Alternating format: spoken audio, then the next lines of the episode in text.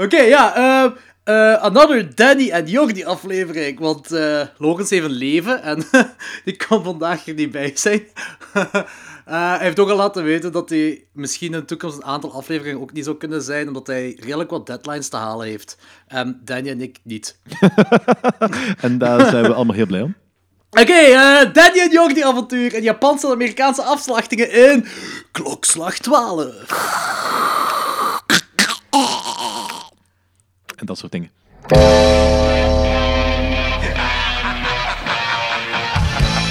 Hallo iedereen. Het is weer tijd voor klokslag 12. Jullie portie horrorboers, dat geserveerd wordt door het legendarische trio van Schotens. Lorenz, Wat? Ik kan me zelfs niet een beetje herinneren. Danny Ja, fuck die, fuck die mensen. en Jordi. Haha, yes! Bier drinken. Woo!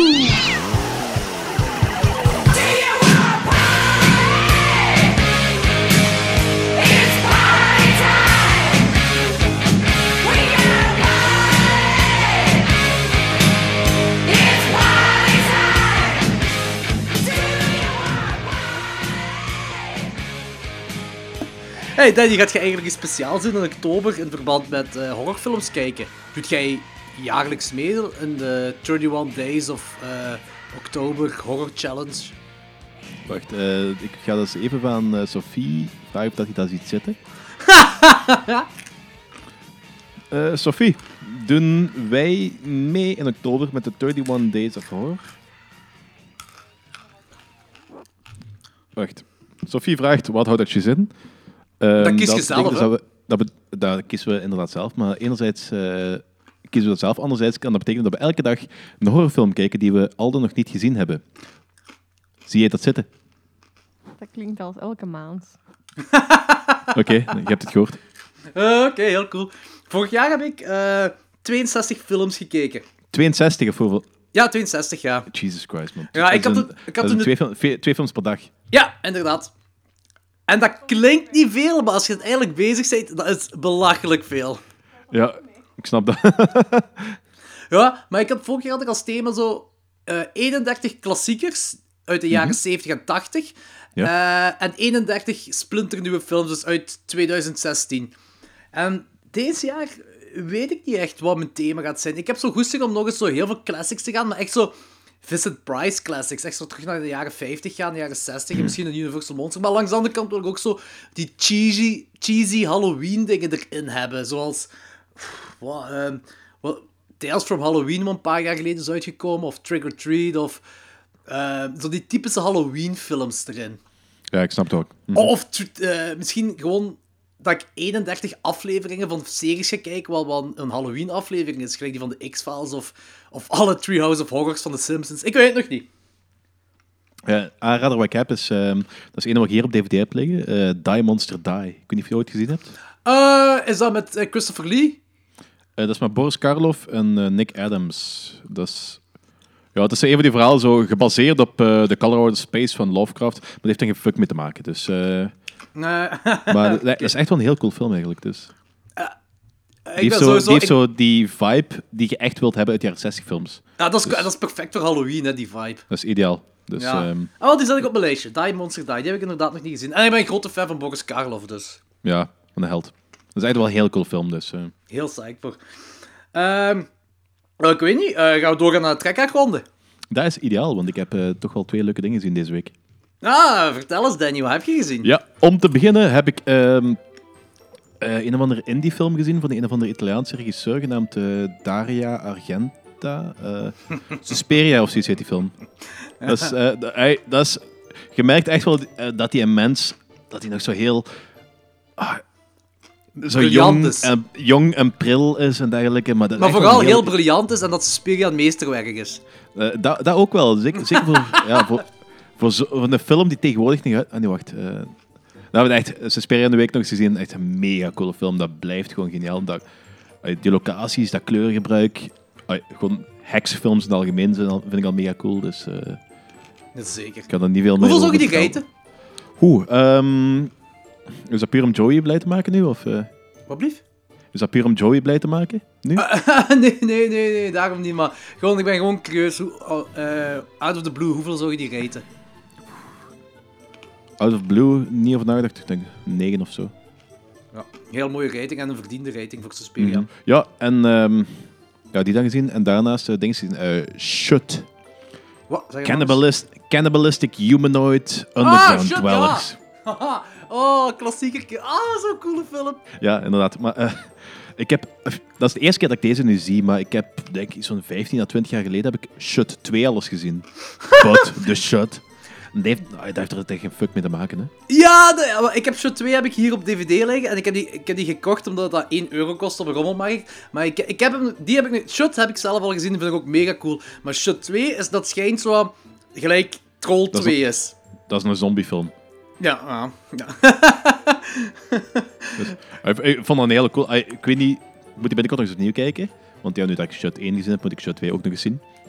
ja. Zeker omdat dat zo lang geleden is. Dus, maar ik weet niet hoe, dat hem, hoe dat ik hem nu nog ga vinden met de tijd. Toen ik dat hem gezien had, vond ik het echt wel een heel cool film. Shut 2. Ja, Ik hoor er echt alleen maar slechte dingen over. Ja, maar dat, ey, zoals ik al zei, ik heb die 20, 15 à 20 jaar geleden gezien. Ik weet niet Ja. hoe, dat, hoe, dat ik dat met, hoe dat ik dat momenteel zou vinden. Pas op, ik ben heel psyched om die eens te, te kijken. Hè, want ik, ik heb die Mhm. pas, ja, wanneer was dat? Een maand of twee geleden heb ik hem gekocht. Ik heb hem nog altijd niet gezien. En misschien moet ik er ook eens een eh, back-to-back future van maken. Eh Shut en Shut 2 kijken op één avond. Shut is wel gigantisch cool, hè? Een heel cool film. Eh, ja, wat heb je nog gezien? Ehm, voor de rest niks gezien. Ik heb... ehm, ja, doen wij ook ho- horror game-related dingen? Of? Mogen zeggen. Ja, kijk, ehm, ik heb in de week, eh, of, een paar weken terug, die Kickstarter van eh, Lust for Darkness eh, gesupport. En ik heb nu gisteren een Steam key binnengekregen van de, van de demo. Lust for Darkness is zo'n spel een, een beetje in de trend van Amnesia, Layers of Fear en dergelijke. Maar dan Lovecraftiaanse setting gecombineerd met Ice White Shut BDSM shit. Dus Dus Kubrick meets Lovecraft. ja, ey, ja, eigenlijk wel. Ja. Nice.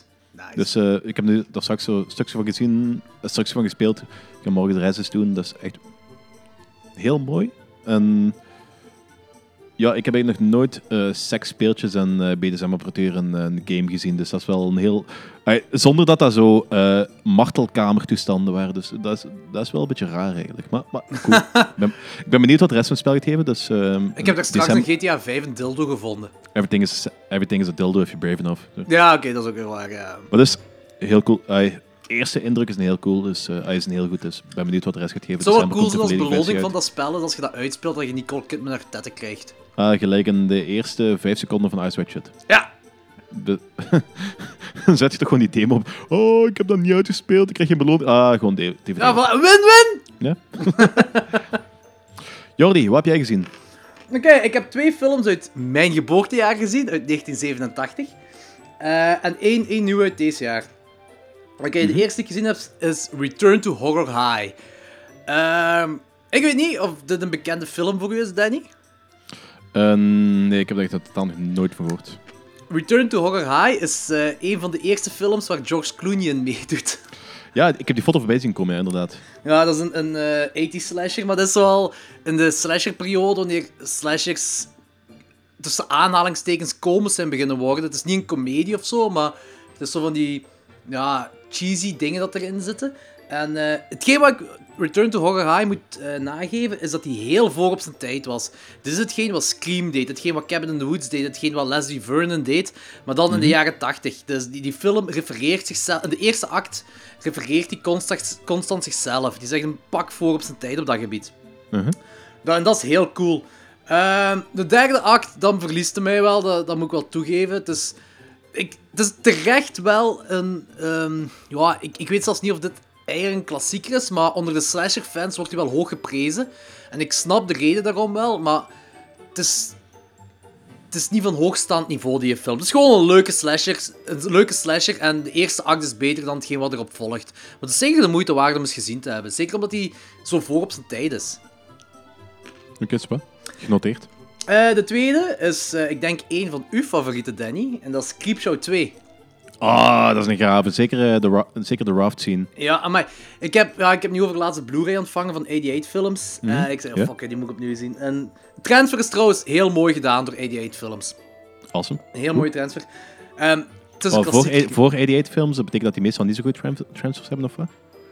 Ah, nee, nee, nee, nee, nee, dat wil ik niet ermee zeggen. 88 Films, Ah, ik, ben er, ik ben er content van. Eh, ik, weet, ik weet eigenlijk niet wat de... moet ik zeggen, wat, wat het gemiddeld publiek van 88 Films eh, vindt van die eh, transfers. Maar degene, de films wat ik heb van hem, zijn, van 88 Films, zijn echt, zijn echt heel goed. Echt heel goede transfers. Ja, Eh, ideaal dan. Goed. Eh, ja, Creepshow 2. Ik ga, we, gaan, we gaan ooit wel eens een Creepshow retrospective doen, veronderstel ik. Hè? Allebei dan. Ik ben, ik ben nu al fan. Allebei, zijn er geen drie van? Er zijn er drie van, hè? eh, zijn er drie van? Er zijn er drie van. En wist je dat Tales from the Dark Side, de film, dat is ook zo, dat is die anthology film, hè? Dat Ja. dat eigenlijk Creepshow 4 zou moeten zijn? Ja, ik- pff, kijk, dat heeft zo knal dezelfde vibe, dat heeft knal, dezelfde, eh, knal dezelfde insteek, dus dat verbaast me niks. Ja, dat heeft iets allebei met rechten Stephen te King, maken. of allebei. Stephen King en dergelijke. Dus, eh, heeft Romero ook met al, allebei samengewerkt? Eh, ik, ik weet dat Romero wel iets te maken heeft met Creepshow 2, maar nu weet ik niet of het productiegewijs is of iets anders. Maar met Tales from the Dark Side weet ik het niet. Dat kan ik niet zeggen. Ehm, Ja, ik zei, zoals ik zei, ik ga niet te veel erop ingaan. Het is, het is een must-see. Ehm, Oké, de laatste film dat ik gezien heb is een film van deze jaar. En dat is een Netflix original. Ehm, Little Evil. ja, die heeft eh, Sofie in de week ook gezien, dus. Ah! Ik, heb trouwens nog, ik heb trouwens nog een film die ik vergeten ben, juist, maar eh, doe maar even door. Oké, Little Evil. Dat is een horrorcomedie over een kerel, gespeeld door Adam Scott, die ik denk de meesten wel kennen van comedies, dat pas getrouwd is met Dingske, met Kate Lost. en eh Kate is een alleenstaande moeder en al snel blijkt dat haar zoontje de Antichrist is. Je hebt doorheen heel die film heb je veel throwbacks naar classics. Je hebt zo, hoe dat zoontje verwerkt is, dat is zo wat gelijk in Rosemary's Baby gebeurt. Je hebt een poltergeist-referentie. Het zoontje zelf lijkt op Damien uit de Omen. En die heeft ook zo dezelfde kleding. En je hebt ook zo die, die schommeldingen, die schommelscènes, zo wat, zo van de Omen is. Eh, dan heb je nog twee Shining homages en nog een paar andere. Het is eigenlijk gewoon een heel leuke horrorcomedie. Niet over de top comedie, maar het is gewoon fijn gemaakt. Eh, ja, ik weet niet of dat echt volledig onder horror eh, valt. Maar het is toch een beetje... Het heeft wel redelijk wel horror tropes wat erin zitten eigenlijk. Maar eh, we hebben de week nu die, over Netflix originals gesproken, die Dead Note film gezien. Ah, oké. Ja, vertel maar. Ja, die was leuk, maar ja, ook niet meer dan dat. Ja, die wordt afgeboetst op het internet, hè? Door Ja. fans, door Dead Note fans dan. Ja, Het is eigenlijk echt zo erg dat was het Adam kijk, dus het, Wingert, het, hè? het, het, het, concept, het concept is cool. Wat hè? Adam Wingert heeft die geregisseerd, hè? Ik heb geen flauw idee wie Ja, dat is die kerel die, die Blair Witch sequel heeft gemaakt en eh, Your Next en zo'n paar VHS-segmenten ook. Dude heeft Ah. echt grave shit gemaakt in het verleden, hè. Ehm, en eh, nu is dat... Die heeft, die heeft doodsbedreigingen gehad op Twitter, omdat door deze film van Dead Note fans, dus die heeft zijn Twitter moeten verwijderen. Jesus Christ. Echt Ai, belachelijk, super Maar, belachelijk. maar dat, dat, is, dat is wel weer typisch zo van... ai, ook als je op facts gaat rondlopen of dergelijke. En dat is nu niet om zo slecht te praten van die mensen die fan van die anime of eh, eh, manga-toestanden zijn. Maar tussen dat soort fans lopen echt de grootste debielen en psychos rond. Hè? Ik zou het niet weten. Nee. Ik ben, ik ben Nee, zo sowieso echt, geen van, die, van, die mensen, van die mensen die zo de grens tussen realiteit en eh, fictie zo maar moeilijk kunnen onderscheiden. Dat is echt zielig eigenlijk af en toe. Maar los, da- los daarvan, er zit wel heel cool shit tussen. eh, ook heel, cool, heel, heel coole crap. Eh, ook gigantische crap.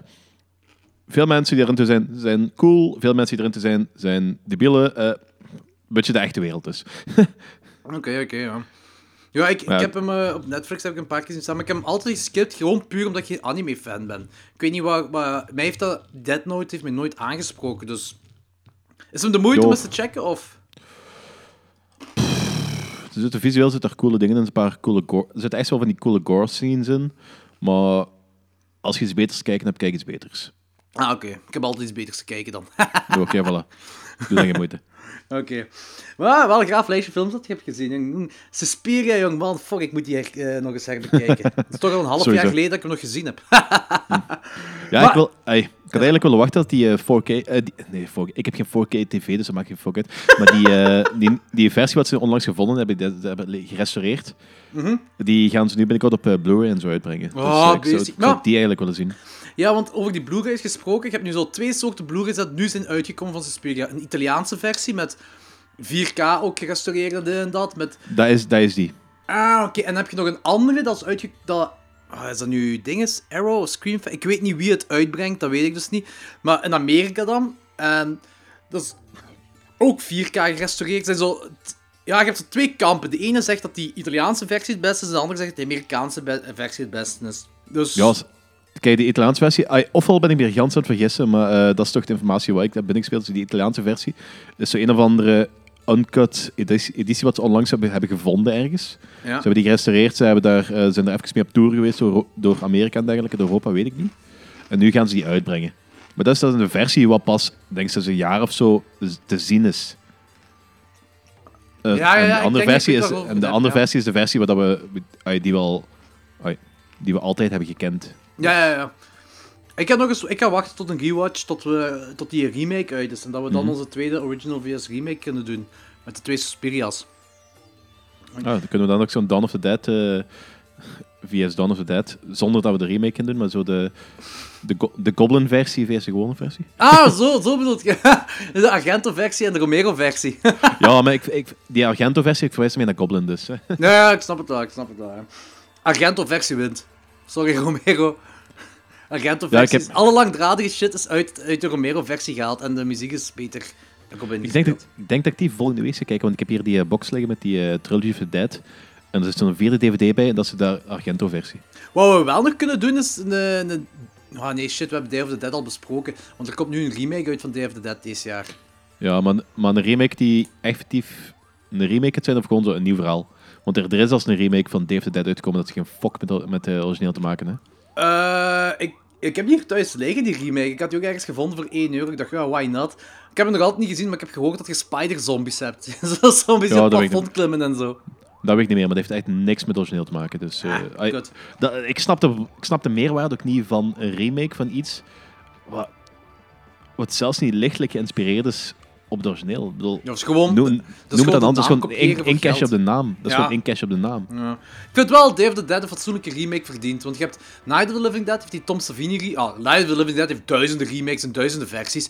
Maar heeft vooral die Tom Savini remake van 1990, wat super cool is. Die steekt heel graaf in elkaar. En dan heb je de Dawn of the Dead remake, wat ik ook heel cool vind. Eh, die was in 2006 of zo die uitgekomen, ik weet niet juist. In ieder geval een heel grave, heel grave film. Een Day of the Dead verdient in mijn ogen ook een heel grave remake. Oké. Maar eh, nu om terug te gaan op Argento. Suspi- Suspiria was de enige Argento-film dat jij gezien had, geloof ik, hè? Niet? Eh, ik weet het eigenlijk niet. Het kan zijn dat ik nog dingen heb gezien, maar dat ik het gewoon niet weet. Oké, ik, ik, hier wil ik wel een, beetje, een klein beetje dieper op ingaan, want ik vind Argento hoort bij mijn topregisseurs. En ik vind het grappig dat ehm, Argento is samen met Mario Bava, dat zo de, de Jello-mannen zijn. Dat die kerels, je hebt Mario Bava heeft de eerste Jello ooit uitgebracht en Argento heeft hem met The Bird with the Crystal Plumage, heeft hij zo de specifics van de Jello neergelegd. Zo. Ja. En iedereen als, iedereen, als, als je Argento hoort, denkt iedereen aan Suspiria. Terwijl Argento, Suspiria is helemaal geen Jello-film. Dat is, dat is een heksenfilm. En niemand... ah, terwijl Argento de Jello-man is. Ik vind dat is een heel raar gegeven, want mensen gaan me gelijk geven. En je hoort ook vaak mensen die opera gezien hebben, die, die zeggen ook, en ik geef hem gelijk, dat die even hoog als Suspiria staat. En ik vind, ik, dat is persoonlijk mijn favoriet van Argento, opera. Ehm, ik, toch is hem zo wat ondergewaardeerd, omdat niemand erover praat. Dat, dat vind ik... Oh, of zelfs... eh, want wist je dat er sequels bestaan op Suspiria? Eh, dat weet ik totaal niet eigenlijk. Ja, ah, niet- sequels, sequels. Het is te zeggen, dat is zo gelijk... Zo af, afgeleide. Nee, ja, ja de Argento heeft zo zijn eh, Mothers of Tears... Nee, nee, hoe noemt dat weer? Zo, een Mothers trilogie heeft hem. Gelijk eh, Carpenter de Apocalypse trilogie heeft en zo. Heeft hij Ja. dan de Mothers trilogie en dat is dan Suspiria. De tweede is Inferno, wat ook een ongelooflijke grave film is. Die is twee jaar later dan Suspiria uitgekomen. En de derde van hem is Mother of Tears. Dat is van 2007. Nu, ik moet toegeven, de recentere periode van Argento, dat is pak minder dan hetgeen wat hem ervoor gepresteerd heeft. Ik, heb- ik heb Mother of Tears ooit eens gezien, ik denk pas toen hem uit was gekomen of zo. Ik herinner me daar vrij weinig, eigenlijk herinner ik me daar niks van, dus ik weet niet of dat iets wil zeggen. ja, dat is een beetje jammer. Maar die Inferno, Danny, echt, die moet je zeker uitchecken. Ik ga het doen. Ik ben, ook, ik ben ook heel benieuwd naar die Phenomena eigenlijk. Phenomena is geniaal. Dat is een geniale film, echt. Tenebrae. Heb je Tenebrae Tenebrae- gezien? Ook niet. Dat is eh, ook zo een van die namen constant die terugkomen, wat ik ook wel zou zien. Wist je dat dat de, de, de soundtrack van Tenebrae, dat is onze, onze intro-nummer. Nou, serieus? Onze intro is de remix van de soundtrack van Tenebrae. Oh, dat eens moeten checken. dus, eh, want dat wist ik helemaal niet. Ehm, Maar ik, ik, leer, ik leer juist op eh, IMDb dat eh, eh, Argento ook de schrijver was van Once Upon a Time in the West. Ja, ja, zeker. Maar je gaat, als je mee, want jij zit niet zo heel bekend in Jello's, hè? Als Nee, je- niet echt. We gaan, we gaan er nog wel dieper op ingaan eh, met het podcast. Ik wil zeker een paar Jello-afleveringen doen. Jij gaat dat sowieso wel interessant vinden, denk ik. Dat is cool. Maar ehm Jello's hebben heel veel weg van, van westerns. Dat is, eh western heeft eigenlijk zowel de basis gelegd om een Jello... Je- een Jello is eigenlijk een boekje van de jaren 40, denk ik, of jaren 50, wat alleen maar in Italië uitkwam. En dat waren thrillers, van die politieromannen. En eh, die hadden een gele cover. Dat waren van die cheap gele covered boekjes. En geel in het Italiaans is giallo. Ehm, Dat is dan overgenomen naar film toe door Mario Bava. En die giallo's zijn dan eigenlijk, eh, hoe moet je dat zeggen, een basis geworden voor slashers. En dan, heel veel slashers zijn dan zo begin jaren 80 geïnspireerd op al die giallo's. En dan een slasher heb je een heel grote ehm, boom gehad van slashers. En op dat moment zijn slashers giallo's terug gaan beïnvloeden. En heb je zo eh, gelijk Pieces of Stage Fright. Dat zijn zo van die films dat zo. Ja, die staan wel in Jello-lijstjes. En ik snap ook wel waarom mensen die Jello noemen, maar die hebben ook veel meer weg van slashers. En dat is een heel op- en af gedoe, maar dat is, dat is gewoon heel, een heel interessant gegeven, heel dat gedoe. En je gaat ook, met- Ennio Mor- Morricone heeft ook heel veel Jello's de muziek voor gedaan, hè. Oh, cool. Ja, en Ennio Morricone, dat is de western soundtrack kerel, hè. Ja, ja, en de ding.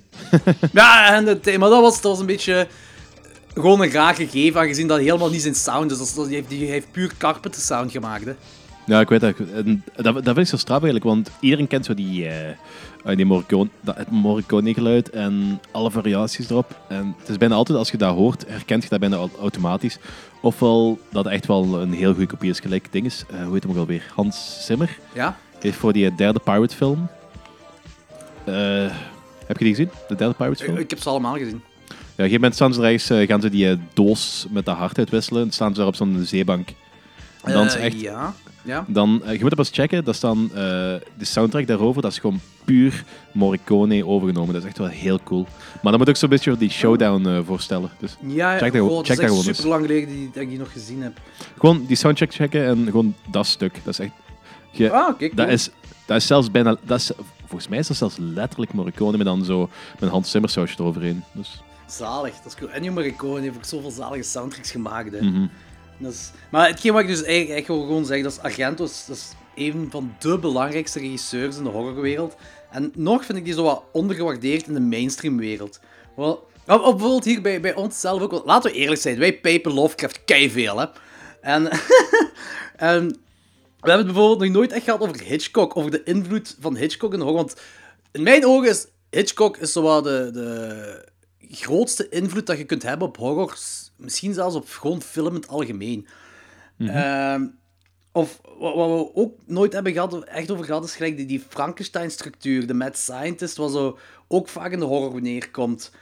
Ehm, Maar om een van de reden blijven we hier op Lovecraft terugkomen. En eerlijk, ik heb nagekeken, zeven shows van ons zijn van Lovecraft-films. Van de, ja, nu 24 films, eh, 24 shows Ja, dat we doen. Dat is waar. Dat is toch zot? Ja, en, en het, het zotste is eigenlijk dat, dat ik er totaal niet naartoe stuur. Hè. dat zou veel verklaren, maar... Ja, ja nee, die zeven, die zeven dingen heb ik wel uitgekozen, denk ik. Daar in ieder geval. Mm, inderdaad. Maar, de, want eh Lovecraft ook zo onze bierspelletje genoemd, zal ik maar zeggen. Mhm. En we hebben heel weinig Lovecraft-shows gehad. Nou ja, minder dan een derde zijn Lovecraft-shows. Gewoon random. Ja, maar ik, oh, ik heb wel, want da- daar heb ik me wel even mee bezig gehouden. Want jij zegt dat 70 tot 80 procent eh, Lovecraft geïnspireerd is van alle horror. En Ja. eh, ik ben, ik ben, nu ben ik echt diep gaan zoeken op het internet. Ik moet wel toegeven, ik ben verbaasd, hard verschoten van de hoeveelheid Lovecraft-films dat er bestaan. Dat moet ik toegeven. Maar, Maar... ja, en nu gaat, je gaat me gelijk geven, hè. Maar, oké, ik heb lijstjes gevonden van fanboys. Maar echt completest. Echt zo Lovecraft fanboys. En ik moet ook toegeven dat, fan, dat Lovecraft fans, dat ze soms ook wel heel erg stretchen met dat is Lovecraft geïnspireerd. En dan heb je zo precies ook zo twee kampen van Lovecraft-fans tegen elkaar. Bijvoorbeeld Creature from the Black Lagoon. De ene zegt, dat is heel veel Lovecraft van die Fishman, bla bla. En de andere zegt, nee, dat is niet, dat is gewoon... En ik geef, ik geef de, de kamp gelijk dat zegt dat dat niet is. Want in mijn ogen moest Lovecraft niet bestaan. The Creature from the Black Lagoon, die film zou nog altijd bestaan. Ja, maar ik denk... Dat is gewoon ehm, omdat die visman... Hij heeft die vismannen niet uitgevonden. Dus dat, dat is een gegeven wat al langer bestaat. En, en dit, is ook, dit is gewoon een monster dat is gekomen. Dit heeft niks met Lovecraft te maken. Maar dan... Het het staat met Blair Witch. Blair Witch... Een van de, van de argumenten was, ja, die heks... Er wordt verteld dat die heks eh, veranderd is in verschillende gedaantes. En dat is heel Lovecraft. Maar dat heksen verschillende gedaantes aannemen, dat gaat al van de middeleeuwen. Dan heb ik zoiets van, ja... eh, dat, is nu niet Lovecraft, hè? Nee, inderdaad niet. Maar eh, ik denk dat er het grootste verschil is eigenlijk tussen mensen die zeggen dat echt letterlijk Lovecraft, alles van Lovecraft afkomt. Anderzijds dat ehm, het andere kamp, dat is het kamp waar ik eigenlijk in zit, dus dat ehm, Lovecraft gewoon bepaalde archetypes heeft genomen en die gewoon Lovecraftiaans worden genoemd. Zijn ding van heeft gemaakt. Nee, nee, nee, niet precies. Zijn ding van heeft gemaakt. Het is gewoon, eh, dat is een beetje gelijk, je hebt verschillende mythologieën. En in elke mythologie komt zo, in de meeste mythologieën komt zo hetzelfde voor. Zo de, eh, de woeste eh, alvader, de, ehm, de god van het licht, de, de slangen, dat soort toestanden. Het zijn van die Ja, ja, dingen, ja. in, in heel veel mythologieën komt dat voor. En vanaf het moment dat iemand dat begint te noemen, vanaf het moment iemand, iemand dat begint te verzamelen, wordt dat meestal genoemd naar die persoon. Over mythologie nu niet echt, maar qua ehm, Lovecraft is nu volgens mij zo één van die personen die gewoon zo iets heeft benoemd, iets heeft verzameld en bijgevolg wordt dat Lovecraftiaans genoemd. Fish people, ja, dat is Lovecraftiaans. Niet per se dat Lovecraft dat als eerste heeft bedacht, maar hij heeft er wel zo... I don't know, zo de fictie rondgeschreven en de wereld ingestuurd. Maar dat is nu niet een reden om Creature from Black Lagoon Lovecraftiaans te noemen, hè? Ja, hangt er vanaf welk kant dat je zit. Als je de Nee, is zit van... gewoon... Nee, het is gewoon de, eh, ik bezie dat zo. Moest Lovecraft niet bestaan, dan bestond die film nog altijd. Hetzelfde gelijk die film eruit ziet. Absoluut, absoluut, absoluut. Maar ik- dus dan dat kun je dat niet. Lovecraftiaans noemen. Dat is het verschil wat ik zeg. Van, eh, dat is een Lovecraftiaanse vibe, maar het, is, dat, het, het bestaan, eh, Lovecraft is niet de reden van bestaan daarom. Dat is zo... ehm, ehm, dat is hetgene van archetypes. Ook al, heb je, ook al bestaat die, mytho- eh, die mythologische strekking in dat deel van de wereld niet, dat betekent niet dat de archetype niet bestaat. Ja, dus je gaat ermee akkoord ook zo dat soms is het met een hele grote stretch dat ze dat Lovecraftiaans noemen. Tuurlijk, absoluut. Ay, kosmische horror, dat had ook bestaan als Lovecraft er niet was. Hè? Ja, maar dat Maar- is wel... ah, de, de, de kosmische horrorfilms dat ik heb gezien, daar zit echt wel een overtoon van Lovecraft in. dus dat kan ik echt wel... Ah, ik, ik heb niet elke kosmische horrorfilm ter wereld gezien, dat nu niet, hè, maar gelijk... eh, Alien is me heel opvallend. Eh, From Beyond is mij ook heel opvallend. En... eh, ik kan nu niet op... The Thing! Ook. Ah, Thing. is- en, Ja, maar de, de, ding is ook, de ding is volgens mij ook letterlijk gebaseerd op een verhaal van Lovecraft. Zo die schrijver wat eh Who Goes There heeft geschreven, die volgens mij gewoon een paar maanden ervoor At the Mountains of Madness gelezen en wou daar zijn eigen variant van maken. Dat, dat lijkt zo hard op elkaar, op zo, eh, dat is vrij dicht bij elkaar geschreven op zich. Ja, dat zou goed kunnen, dat zou goed kunnen. Dat, dat, is, dat is gewoon, Lovecraft druipt er ook vanaf, van, die, ah, van de Carpenter-versie in ieder geval, hè, druipt het ook vanaf. Ja, van het origineel boek ook. Dus, eh, Ja, maar van de, de Thing from Another World niet echt. ja, nee, dat is, Dat is gewoon een leuk gewoon de- liefdesverhaal. dat is gewoon de typische eh monsterman-film. dus. Ja. Maar eigenlijk waar ik op wil neerkomen is, dus ik heb, lijstje, ik heb een lijstje gevonden van juist geen 400 films dat, eh, ik heb het over langspeelfilms, eh, dat Love, Lovecraftiaans zijn of dat ehm, een letterlijke Lovecraft-verfilming zijn. Mhm. Gaat je ze allemaal voorlezen? Nee. maar in ieder geval, dat is belachelijk veel. Ik was, daar was ik echt van verschoten, dat moet ik toegeven. Nu ben ik verder gegaan en ben ik gaan kijken naar een heel groot subgenre van de horror, slashers. En daar was ik nog meer van verschoten, want daar zijn juist geen 600 films van. 600 slashers, hè? Juist niet, Ja. ik denk 598. Dan ben ik gaan kijken naar crossovers, wat ook heel belangrijk is. Weet je hoeveel crossovers er bestaan? Dus hoeveel Lovecraftiaanse slashers er bestaan? Zeg het eens. Nul. Nul. Dat had ik dus echt niet Ik ga verwacht. eens opzoekwerk naar doen en ik ga je sowieso verkeerd... eh, ik ga je sowieso... eh, Nee, nee, nee, er bestaan geen Lovecraftiaanse slashers. Maar er is er ene in de maak wel.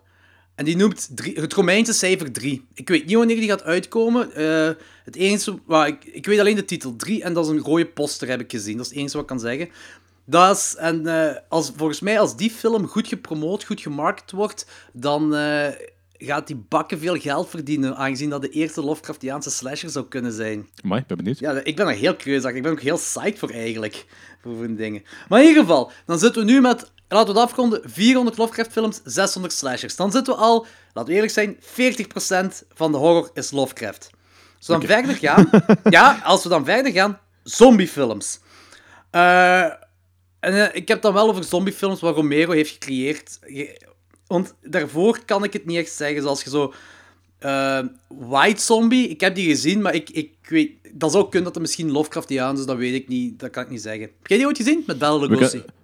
Die heb ik nooit gezien. Maar ik kan wel zeggen dat eh, Plan 9 from Outer Space, je kunt gewoon de Lovecraftiaanse achtergrond... Dat is ook weer eh, Cosmos meer, hè? Ja.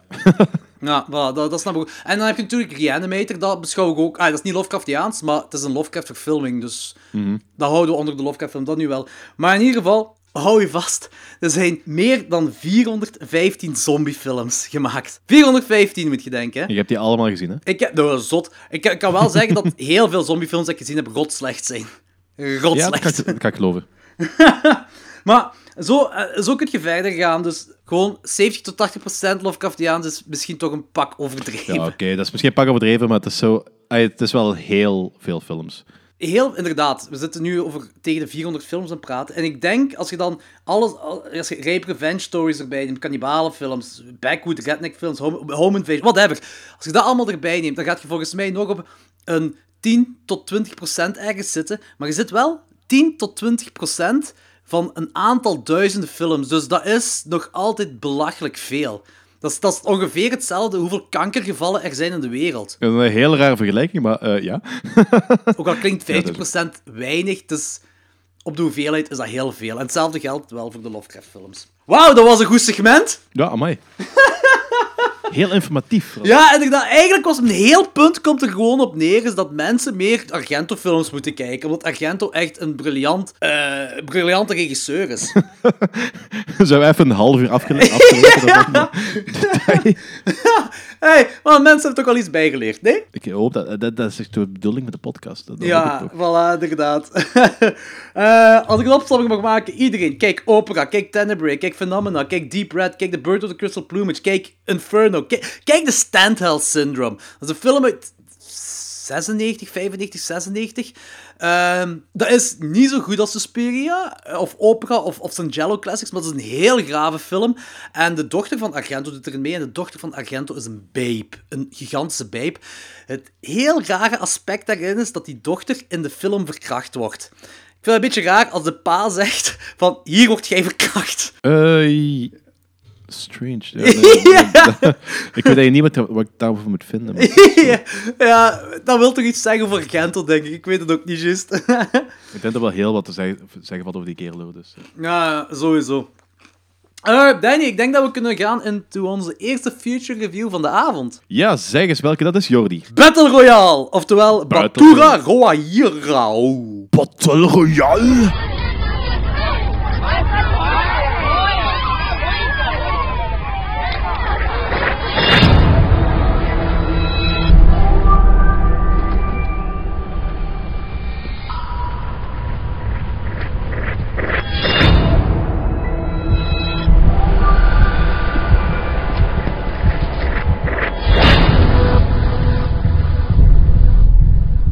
はゲームです」「みんなは必死になって戦って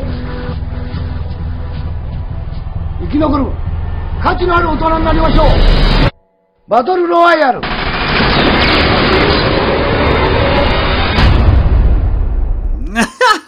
Oh man, we gaan zoveel racial slurs hebben in deze aflevering. Hè. En dat is sowieso niet de bedoeling, maar ja, zwart. Ja, eh, ik, ik kan er niks aan doen. Dat is, eh, jawel, maar nee, maar... Oké, Battle Royale eh, uit eh, 2000. En dat is de film met misschien wel de meest verschillende wapens wat ooit op film zijn opgenomen. Je hebt Uzi's, je hebt pistolen, je hebt een Zeiss, shotgun, nunchucks, taser, messen, hatchets, een kruisboog, een, een samurai zwaard en ja, vergif, dat is ook een wapen zeker. Dus ja, veel wapens in ieder geval. En van, en van die ontploffende band... eh nek Necklet, ja, ja, ja, inderdaad, ja. Tagline, Their game, no rules, no prisoners. Eh, geregisseerd door Kinji Fukasaku. Nee, Fukasaku. En maar, ah, die zit nu in Japanse naam. Fukasaku. Ja, gaat weer zo kut worden. In ieder geval, deze film is op zijn 70ste, heeft hij op zijn 70ste gemaakt. En eh, wanneer de dokters tegen hem zeiden dat hij nog maar een paar maanden zou leven en hem aanraden om in het ziekenhuis te blijven, weigerde hij en is hij Battle Royale 2 gaan maken. Dus eh, omdat hij nog maar een paar maanden het leven heeft, gaat hij zo maar zo even nog iets kuts de wereld in sturen. Ah, niet per se kut, ik heb, ik heb Battle Royale 2 niet gezien, maar zoiets van... Iets wat sowieso heel veel mensen zich slecht om zouden voelen. wat, wat een held. Ja, voilà. Ja. Die is tijdens de productie ook gestorven van Battle Royale 2 op zijn Ah, 20, serieus? ja, zijn Serieus? 72ste aan prostaatkanker. En Ja, zijn zoon heeft dan de film verder afgemaakt. Oké, Battle Royale, dat is dan naar een roman van Koushun Takami. Eh heb jij die gelezen, Dan- Danny? eh, nee. Nee, oké. nee. Echt gewoon, nee, nee. Oké, niet maar. gelezen. Eh, oké. Ik heb, Battle, ik heb Battle Royale pas, ook pas voor de eerste keer gezien voor deze film, dus eigenlijk. Oh, echt? Ja, echt. Maar ik ben curieus achter uw mening. Zalig. Eh, moet ik de synopsis lezen? Eh, ik ga eerst de cast overlopen. Ah, oké, oké. Want dan zijn we weer een half uur verder, want dat zijn ook alleen maar Japanse namen. Misschien moet je gewoon, misschien moet je gewoon namen bedenken, uh, Hung Dong en dat soort toestanden. Oké, Tatsuya, K15 ban! Tatsuya Fujiwara als Shaya Nahara, oftewel jonge 15. Akimaida als no Noriko Nakagawa, oftewel meisje 15. Taro Yamamoto als Shogo Kawada, eh, jonge nummer 5. Eh, Takeshi Kitano als Kitano Sensei, dat is ja, de leider, die vader, de, de leerkracht. Ja? En eh, Chaika Kariyamo als Takako, Takako Chikusu. En dat is meisje nummer 13. Maar de meeste mensen gaan die wel kennen als Gogo Yubari een, eh, van Quentin Tarantino's Kill Bill. Ah, dat is die. hè. Ja, dat is dat, dat gestookt meisje van die. Die is wel cool. Ja, zeg de synopsis maar. Oké. Moet ik een ehm eh, Dawn vocals doen of gewoon? Kies maar. In the future, the Japanese government captures a class of ninth grade students and forces them to kill each other under the revolutionary Battle Royale Act. Holy shit, dat was professioneel. Ja, helemaal niet, maar kom. Dat was gaaf. Eh, Battle Royale. dat is trouwens eh, Quentin Tarantino's... Ja, een van zijn favoriete films. Dat verbaast me helemaal niks eigenlijk. Ja, die kerel die, die geilt op geweld ook, hè. Ja, maar als, je- als je... nu dat je zo die Kill Bill-referentie juist eh, binnenhaalt... meedeelt, dus eh, nu, dat gevecht in dat Chinese restaurant, of dat restaurant... Eigenlijk zie je dus heel veel gelijkenissen met Met Battle die, Royale met die erin, soep. Met die vergif- Eh, vergiftige soep daar. Dat weet, ik niet, dat weet ik niet precies. Dat weet ik niet precies. Een Met al die meisjes gewoon, bedoelt je? En die Uzis. Nee, daar in dat, in dat Japans restaurant. Ah, je bedoelt in Eh, Kill dat- Bill? dat- Kill Bill, ja. Ah ja, oké, oké, oké. Dat je het over Battle Royale had. Nee, nee, oké, Kill Nee, Bill. nee, Nee, nee, dat is- ik snap het. Zo waar die, die eh, kop eraf gaat en dat je zo'n fontein van bloed hebt. Ja, onder andere dat soort dingen. Ja, Ik, zeg, ja. ik, zeg, ik zeg het trouwens Chinees restaurant, Japans restaurant. eh, Aziatisch, Dat- houd het gewoon ik op neem- Aziatisch, dan zit je ja, altijd dat, dat goed. Aziatisch restaurant. Ja, dan zit je altijd goed. kan ook Rusland daar- zijn dan. Dat, dat, is, dat is er Fusion, dus, eh, of zoiets. Fusion, ja, tuurlijk. Eh Battle Royale is ook, eh, hoort bij de top 10 best verkochte films in Japan. En, eh, ja, Het zegt veel over Japan. Ja, maar veel par- parlementsleden probeerden deze film te bannen toen die film uitkwam. En eh, dat lukte niet. En omdat die, die wouden bannen, er was heel veel commotie rond, is dat boek en de film veel su- succesvoller geworden. dat is grappig. Ja, maar een land waar dat zo eh, de favoriete films eh, Battle Royale en Ghibli zijn, dat is wel speciaal. Ja, maar ik vind het zot dat in 2000 nog altijd, in het jaar 2000 nog altijd films gebannen werden. Ja, want dat gebeurt nu nog altijd volgens mij. Hè? Ik denk verschillende landen, zijn, zelfs in Europa zijn er landen die films nog bannen of zwaar censureren. Dus. Ja, maar in Duitsland was dat nog zotter. Want in 2013, en dat is, dat is nog maar vier jaar terug, werd beslist door een, eh, een van de gerechtshof in Duitsland dat Battle Royale ja, een, een, een regel van strafrecht schende en waardoor het schuldig bevonden werd voor het verheerlijking van geweld. Die film werd dan in Duitsland in beslag genomen en verbannen. En niemand mocht die film meer verkopen en de kopieën dat, al, dat nog in de winkels waren, die werden dan in beslag genomen. Dat was dus april Jezus, man, 2013, hè? dat is vier jaar geleden. Dat is toch, ah ja, dat is toch insane dat dat, men, ah, dat nog gebeurt. Maar het is wel zo... Ondertussen, ondertussen kun je dat wel overal downloaden en dergelijke, maar oh wee, je moet dat maar eens kunnen kopen. Ja, inderdaad, dat is oké. Maar het is ook wel zo, in oktober 2013 werd dan eh, dat, bezwaar, dat verbod werd dan opgegeven door een of andere Duitse distributeur. Dus het was maar een paar maanden, maar het is gewoon raar dat mensen zich daar nog mee bezighouden met films te bannen. Ik weet dat niet. Ai, ik heb zo heel vaak idee dat er zo een of andere politieke agenda achter zit of zo. Ik weet het. Ja, nou waarschijnlijk, ja. Of misschien was dat gewoon die, eh, een, een marketing ding van die eh, Duitse distributeurs. Van, ja, die wordt nu gebannen en dat. En een paar maanden later, ja, nu mogen we hem wel kopen en dan wordt hij keihard verkocht. Oké. Als dat werkt. Ja, Ja, waarom niet? dat, werkt, dat werkt volgens mij ook. Dus. Deze film is trouwens ook in 3D uitgekomen. Een 3D, kom maar. Origineel of zo? Nee, nee, nee, later. Ah, oké. Ja, dat moet niet. Ah, ik ben zo van die... Van die eh, Ja, met een film gaan die naderhand 3D maken. Ik ben daar helemaal niet fan van. Ik ben al geen fan van 3D. Ja, ik ook niet. Origineel maar- niet, naderhand niet. Ah, ik, ik weet niet wat als gezegd hebt, maar ik, ik snap daar gewoon ook niet van. Ehm, je had, in de jaren 80 had je in Disneyland had je Captain EO, die een Michael Jackson film daar. ja? Als je naar Disney ging, ik had daar zo de achterlijkste 3D-brilletjes wat ik kan voorstellen. En je zat er in die bioscoopzaal en die dingen die kwamen er af, die klauwen hingen voor je gezicht en alles erop en eraan. En dat was echt, zo, dat was echt super idee en dat zag er heel cool uit. En tegenwoordig heb je dan de nieuwste technologie, de meest gesynchroniseerde brilletjes. Ik weet niet hoe een kan synchroniseren, maar detail. Eh, en alles erop en eraan, dat is zo high-tech dat het niet meer kan. En ik zie daar geen fok van. Nee, ik ook niet. Ik vind dat zo overroepen. Ik krijg daar mijn kop in van. Ik moet er zo mijn bril of mijn bril opzetten. Dus. Ja, ja, overal, ja. Maar ik heb ook gelezen nu dat eh, 3D, dat ze er toch mee gingen stoppen, dat zo...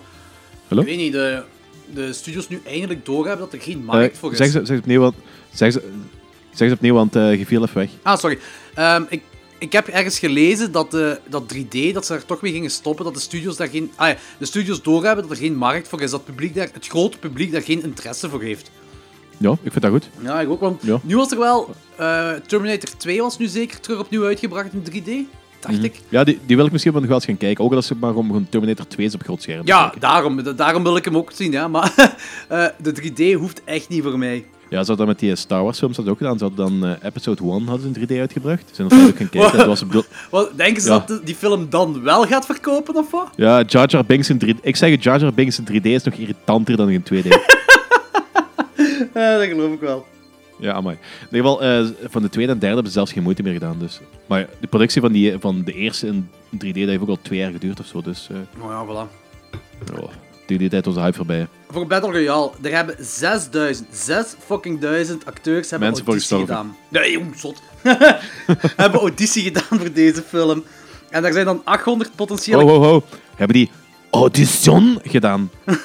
nee, nee, nee, nee, nee. Gewoon au- een auditie. Oké, dus niks met een meisje met... eh, Nee, nee, nee, nee, heeft niks met die andere film te maken, nee. Oké. En eh, van die 6000 hebben ze een 800 potentiële castleden gekozen. En die 800 ja, finalisten dan moesten een zes maand durende fysieke fitnesstraining afleggen eh, onder toezicht van de regisseur. En daar heeft hij dan uiteindelijk 42 mensen van gecast. Okidoki. Ja, dat is eh, intens. Heel intens. Ik wil... Wat vind jij ervan? Die, in het begin, als die film begint, dat je een waarschuwing krijgt dat je onder de 15 jaar deze film best niet kijkt. Eh, p- Mag ik heel eerlijk zijn? Ja, dat mag. Oh ja, ja, maakt er niet uit. Maar eh, eh, ik vind dat zo... Vanaf het moment dat je echt zo'n waarschuwing krijgt van pas op, deze film is echt niet geschikt, echt, echt, echt niet geschikt voor mensen onder 15. Het is van zo... Yes! Dus voor mij, mij maakt dat zo enthousiaster voor hetgene wat er potentieel nog gaat volgen. Want ja, hoe vaak zit je effectief tegenwoordig waarschuwingen, waarschuwingen van pas op, want dit en dit. En het enige dat ik mij kan herinneren is Frankenstein en Bride Frankenstein. Ja, maar Dan dat heb je effectief ai, een proloog van mensen die zeggen van... Kijk, deze film is niet geschikt voor kinderen. Dat is een, een zware film, dit en dat, bla bla bla. En voor de rest kan ik me dat niet hey, voorstellen. maar hoe cool was dat, die proloogje? Ja, dat is echt gaaf dat er echt nog tijd in gestoken werd. Eh, Oké, dus je begint dan eh, met die dude dat daar vertelt dat zijn pa zelfmoord heeft gepleegd. En oké, die, die heeft zichzelf opgehangen. Maar was hij zo aan wurgmasturbatie bezig? Want waarom had hij zijn broek uitgedaan? Ja, ehm ik heb dat heel raar gevonden. Zeker zo die briefjes wat aan zijn eh, zoon dan... zijn zoon achtergelaten. Dat, dat lijkt wel een beetje op wurg, masturbatie, incest, homoseksualiteit. eh, dat is zo... Your kink is not my kink, but your kink is okay of zo, ik denk. Ik weet het Ik vind het raar dat hij zijn broek Ik uitdoet heel om raar. zichzelf op te hangen. Ja, maar zo die eh, dude van eh, Kill, eh, Kill Bill is natuurlijk ook, zo- ook zo gestorven. Ja, maar die heeft effectief wurgmasturbatie of wurgseks gehad of iets in die aard. Dus die is daar effectief aan gestorven. Maar ik, weet, ik denk dat de bedoeling is dat die, die kerel gewoon zelfmoord heeft gepleegd, maar niks seksueel aan de hand was. Denk ik. Aangezien hij een brief achterlaat voor zijn zoon. Ik weet dat niet. Ja, ik... Eh, eh, Japan, Japanners raar. Ai, we, hebben het, we hebben het hier wel over het land waar je effectief gebruikte slipjes en automaten kunt kopen. Hè. Dus, eh, Klopt, zwaar. dus, eh, de beweegredenen van, van iemand die zich ophangt met zijn broek naar beneden, eh, eh, dat is compleet oblivious. Wij kunnen dat gewoon niet vatten. Wij kunnen dat echt niet vatten gewoon. Dus, Ja, misschien denk ik er ook te veel over na. Misschien, ja, misschien wilt je daar, misschien wilt je daar gewoon minder over nadenken. Oké, het concept van het verhaal. Dus je hebt in de nasleep van een, eh, een grote economische recessie heeft de overheid een Battle Royale Act ingevoerd om de populatie Mhm. onder controle te kunnen houden. En dat houdt dus gewoon in dump een heel hoop studenten op een eiland en laat ze elkaar afmaken. Love heel it. goed- heel Love it. plan. Hey, maar, hey, maar is, dat niet, is dat niet gebaseerd op die Hunger Games eh, films dan? Of? Ja, ja, tuurlijk. Eh, dat is gebaseerd op de Hunger Games, dat wat 14 jaar later is uitgekomen of zo. Ja, absoluut. ja. Oké, je hebt dan zo heel sneaky dat die klas zo gezegd op schoolreis gaat. En die krijgen dan allemaal van die explosieve dog collars, eh whatever, rond de nek. Eh, waar ze dan ingelicht worden dat ze een wapen toegelicht krijgen en dat ze elkaar moeten uitmoorden. Dus ze hebben drie dagen om elkaar te vermoorden tot er één overlevende overblijft. En ze moeten luisteren naar de, de leider. Eh, want anders gaat hun nekband ontploffen.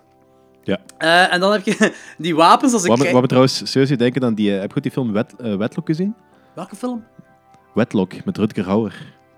Nee, dat zegt me niks. Dat is een of andere ja, beetje science fiction film over in de toekomst, waar dat ze een gevangenis hebben, zonder muren. Maar alle gevangenen hebben zo'n band rond hun hoofd en die is dan gepaired aan een andere gevangene. Ze Oh ja, dat zegt me wel iets. Dat ze dan meer dan 100 meter of 200 meter van elkaar eh, afgaan, dan ploffen allebei die ho- hoofdband en nekbanden. Ja, ja, dat... Oh, die heb ik volgens mij al heel lang geleden gezien. Dat is, dat is, Ja, dat is toch een is 80s ook- film of zo, niet? Ja, dat is 90 ook al, misschien? al 20 jaar geleden of zo, dus dat ik hem nog heb gezien. Dus, eh. Ja, ja, ja. Oh, die moet ik nog eens terugkijken. Dat is lang geleden. ik denk dat ik echt dat ik die eens gezien heb, ja.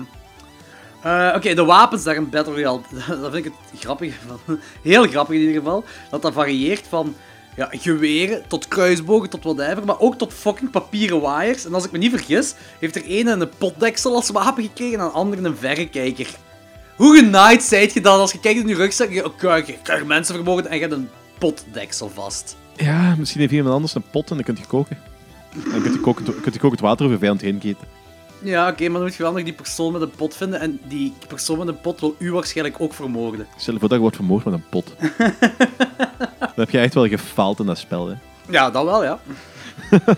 Het cool is wel, we zijn nog geen 20 minuten ver in deze film. En die, zo'n nekband ontploft al. Wanneer eh, die leider dat laat zien. eh. Ah, trouwens, die intro, vooraleer ze effectief daar in die school geraken waar, waar, eh, met die nekband om. Dan zien we dat die leider is eigenlijk een, een gefaalde leerkracht. En die Ja. wordt daar neergestoken. Maar dat is zo, alles gebeurt dat chaotisch. Heb jij door wat de reden is waarom die neergestoken wordt? Ja, ik denk niet dat er een reden was. Ze geven constant aan dat, eh, dat heel, de hele samenleving daar aan het ontsporen is en dat de jongeren daar gewoon chaos en crimineel geworden zijn. En dat is gewoon een kutjongske op school die gewoon een leerkracht heeft tussengepakt. Misschien per ongeluk, misschien gewoon wrong place, wrong time of dergelijke. Ik denk niet dat er echt een reden achter is. Ja. Dat is gewoon, is gewoon een kutjong die niet gestraft wordt voor het feit dat hij leerkracht heeft neergestoken. Wat de leerkracht des te meer frustreert. Ja, en dat daarom de leider gaat worden van een of andere overheidsorganisatie waarbij ze allemaal elkaar moeten afmaken. Makes sense. Ja, dat is een vraag. Ay, volgens mij is hem niet de leider. Volgens, eh, volgens mij is hem niet de leider. Volgens mij is hem gewoon zo... Hij, hij is wel... Ay, dat, is me, dat is me niet helemaal zeker. Dat is zo, misschien de leider van die badge, van dat spel. Ja, inder- dat bedoel ik ook met leider, inderdaad. maar niet van, alge, niet van algemeen. Hè. Niet van de, de, heel het concept van Battle Royale, maar gewoon inderdaad Mhm. van, dat, van die badge van eh, dat stukje Battle Royale op dat moment, ja. Dat, dacht ik, ja. dat had ik inderdaad ook wel eruit gehaald. Mhm. Oké, die, die film is dus opgedeeld in hoofdstukken. En eh, ja, je hebt, dan gaan de eerste zes uur gaan zogezegd voorbij. En dan heb je al twaalf doden, waaronder een aantal mensen dat zelfmoord plegen. En de meeste mensen zijn gedood door ja, twee kerels dat dan de gevaarlijkste spelers worden op het eiland. En ehm, ik vind he- heel eerlijk, er zijn te veel moorden dat gebeuren met geweren, vind ik. Ja, dat had veel creatiever gekund. Ja, dat, inderdaad, veel creatiever gekund. Ik, eh, dit is voor 70% een actiefilm, vind ik. Mhm. Ik heb echt zo'n momenten in deze film. Ah, en ik bedoel dat niet slecht, daar niet van, hè? Want dat zijn grave actiemomenten. Daar, dat, dat is heel cool gedaan. Maar ik had gewoon liever gehad dat geen enkel van die wapens geweren waren. En dat het alleen maar zo afslachtingsmateriaal was. Een kettingzagen. Ja, zo van die shit zo. Of ik veel, een. een, eh, een ik kon nu zeggen een keerborstel, maar ja, dat kun je ook niet veel. Pas op, pak een, een keerborstel met allemaal van die eh, Nine Inch Nails erop. Heb ik zo eh, eff- effectief materiaal, niet cd's. ja, ja. Kunt je ook Of wel gewoon dat iemand met Nine Inch Nails CD's komt, en dat is zijn wapen. à la, à Shaun wel- of the Dead met die vinylplaten. Oh, ja. Ik vind het ook wel heel grappig dat eh, elke keer als we terugblikken naar die leider in die school en dat hem eh, gaat zeggen wie er allemaal vermoord is, dat er elke keer van die happy klassieke muziek gedraaid wordt. En dan zit hem zogezegd eh zijn list of the goners eh, op te sommen. Ehm, en dan heb je zo die ja, vrij vrolijke klassieke muziek eronder. Ik kan me wel af, is die muziek, wordt die effectief daar afgespeeld of is dat in de film gestopt als eh, voor de kijkers? Eh, ik geloof dat effectief eraf gespeeld wordt. Of, of er op zijn minst over die mix heen eh, Ja, ja. dus dat is afgespeeld Dus we wordt. moeten geloven dat, dat die leider of dat die mensen daar in dat gebouw die muziek hebben opgezet. Ja, ik snap dat wel. Allee, dat is zo... Het is, ik denk dat je heel goed kunt vergelijken met van die landen gelijk Noord-Korea en dergelijke, van die klassieke muziek en dergelijke. Dat heeft altijd al een beetje zo'n soort van verheerlijkende functie gehad voor de powers that be. Ja, ik snap het wel. Ik snap het inderdaad. Ik vind ook dat dat past. Ik vind, ik vind dat, dat, dat, dat komt komisch, tussen aanhalingstekens, over. Maar ik vind wel dat het past erin. Ik, weet- ik vind dat eigenlijk niet, ik vind dat eigenlijk niet cool. Echt Nee? komisch overkomen. Het is zo klassieke muziek. Ik vind, dat iets, ik vind dat iets heel krachtig, zeker als je op de juiste momenten de juiste muziek gebruikt. Ik bedoel, perfecte voorbeeld. Ja, eh dingen, zo heet hem ook alweer. eh, van Wagner, eh, Flight of the Valkyries. Eh, zing eens. Ik wou je gewoon eens laten zingen. Is dat nu de intro? Eh, dat kan. Nee, we gaan dat niet doen. We gaan dat niet doen. Altijd als je zegt, we gaan het niet doen, doe ik dat wel. Hè. We gaan Danny geen eh winnende lotnummers geven. Danny, jij bent de zanger van ons allemaal. Dus jij bent degene die ook het meeste gezongen he- heeft in de podcast tot nu toe. Oh, fuck. Dat is positief, dat is cool. Oké. Sorry, zeg maar verder. Ja, nee, ik vind, ik vind zo, eh, als klassieke, de juiste klassieke muziek op het juiste moment, dat, ik- dat dat echt wel heel erg krachtig kan overkomen. En niet grappig in mijn ogen. Dus Maar dat kan Heel vaak voor wordt- komisch effect zorgen. ja, kan. Maar ik vind dat hier nu, zo, hier nu niet echt. Zeker omdat, zeker omdat ze zijn zo op van die momenten dat de doden wordt aangekondigd, dat je die klassieke muziek dan hoort. En dat, geeft nogma, dat legt nogmaals meer de nadruk op het glorieuze van the powers that be. En dat is niet echt grappig, want het is niet echt grappig dat er mensen achter zitten die gewoon ja, kinderen elkaar willen laten afslachten. Ja, maar het is wel zo dat hij... Ah, zo komt dat bij mij over, dat hij die... Ik noem die gewoon leider, want ik weet niet wat zijn echte naam is. Dat, Ja, ja, niemand heeft namen, alleen leider. ja, en meisje 1 en meisje 2 en jongen 3. En, nee, en eh, dat, dat hij daar geen fuck om geeft. eh, dat, die, dat ze elkaar moeten afmaken, maar dat hij fuck, geen fuck geeft om die levens. En ik vind dat die klassieke muziek echt daar goed op inspeelt. Dat er daar... Ik zeg, het is niet grappig, haha grappig, maar zo, het heeft zo'n een komische ondertoon over hoe dat de leider zich voelt tegenover de mensen die daar elkaar aan het afslagen zijn. Ah, wat ik ermee wil zeggen is dat ik dat juist een meerwaarde vind, die klassieke muziek. Voor mij heeft dat eh, die komische ondertoon erin gegeven, wat ik wel graaf vind. Oké, ik, snap die- ik snap het punt wel daar. Ja. Weet je wat ik wel heel raar vond? Dus je hebt dat joggend meisje dat daar droomt over ja, haar love interest, denk ik dan, die, dat jongen op die fiets. Maar eigenlijk is dat meisje gewoon eh, aan het joggen op dat eiland. Maar, je zit er Ja, drie... dat, heb ik, dat, dat snapte ik niet echt. Ja, je zit er drie dagen op dat eiland. Waarom zou je zeggen van, ah ja, het is ochtend, het is tijd voor mijn ochtendritueel, dat is joggen. En ik snap wel dat ze zo die droomsequentie tussen aanhalingstekens, ik weet niet, droomsequentie kun je het ook niet noemen. Het is een hallucinatie. Hallucinatie kun je het ook niet noemen. Is het dagdromen dan misschien, dat ze daarmee bedoelen? Ik denk zoiets. Ja, en dan snap ik nog ergens wel dat ze dat zo willen ja, ons op een verkeerd pad zetten, zo gezegd. Dat je denkt dat dat een flashback is, maar eigenlijk is dat gewoon dat zij een dagdromen is over haar love interest. En dan blijkt dat dat niet is. Maar langs de andere kant is ze nog altijd casual aan het joggen, terwijl er wat, een paar tientallen moordenaars op dat eiland zitten om haar te vermoorden. Ja, misschien is hij wel gewoon heel dapper of heel erg op haar lijn gesteld. Ik vond het gewoon nozel. ik vond het echt gewoon nozel.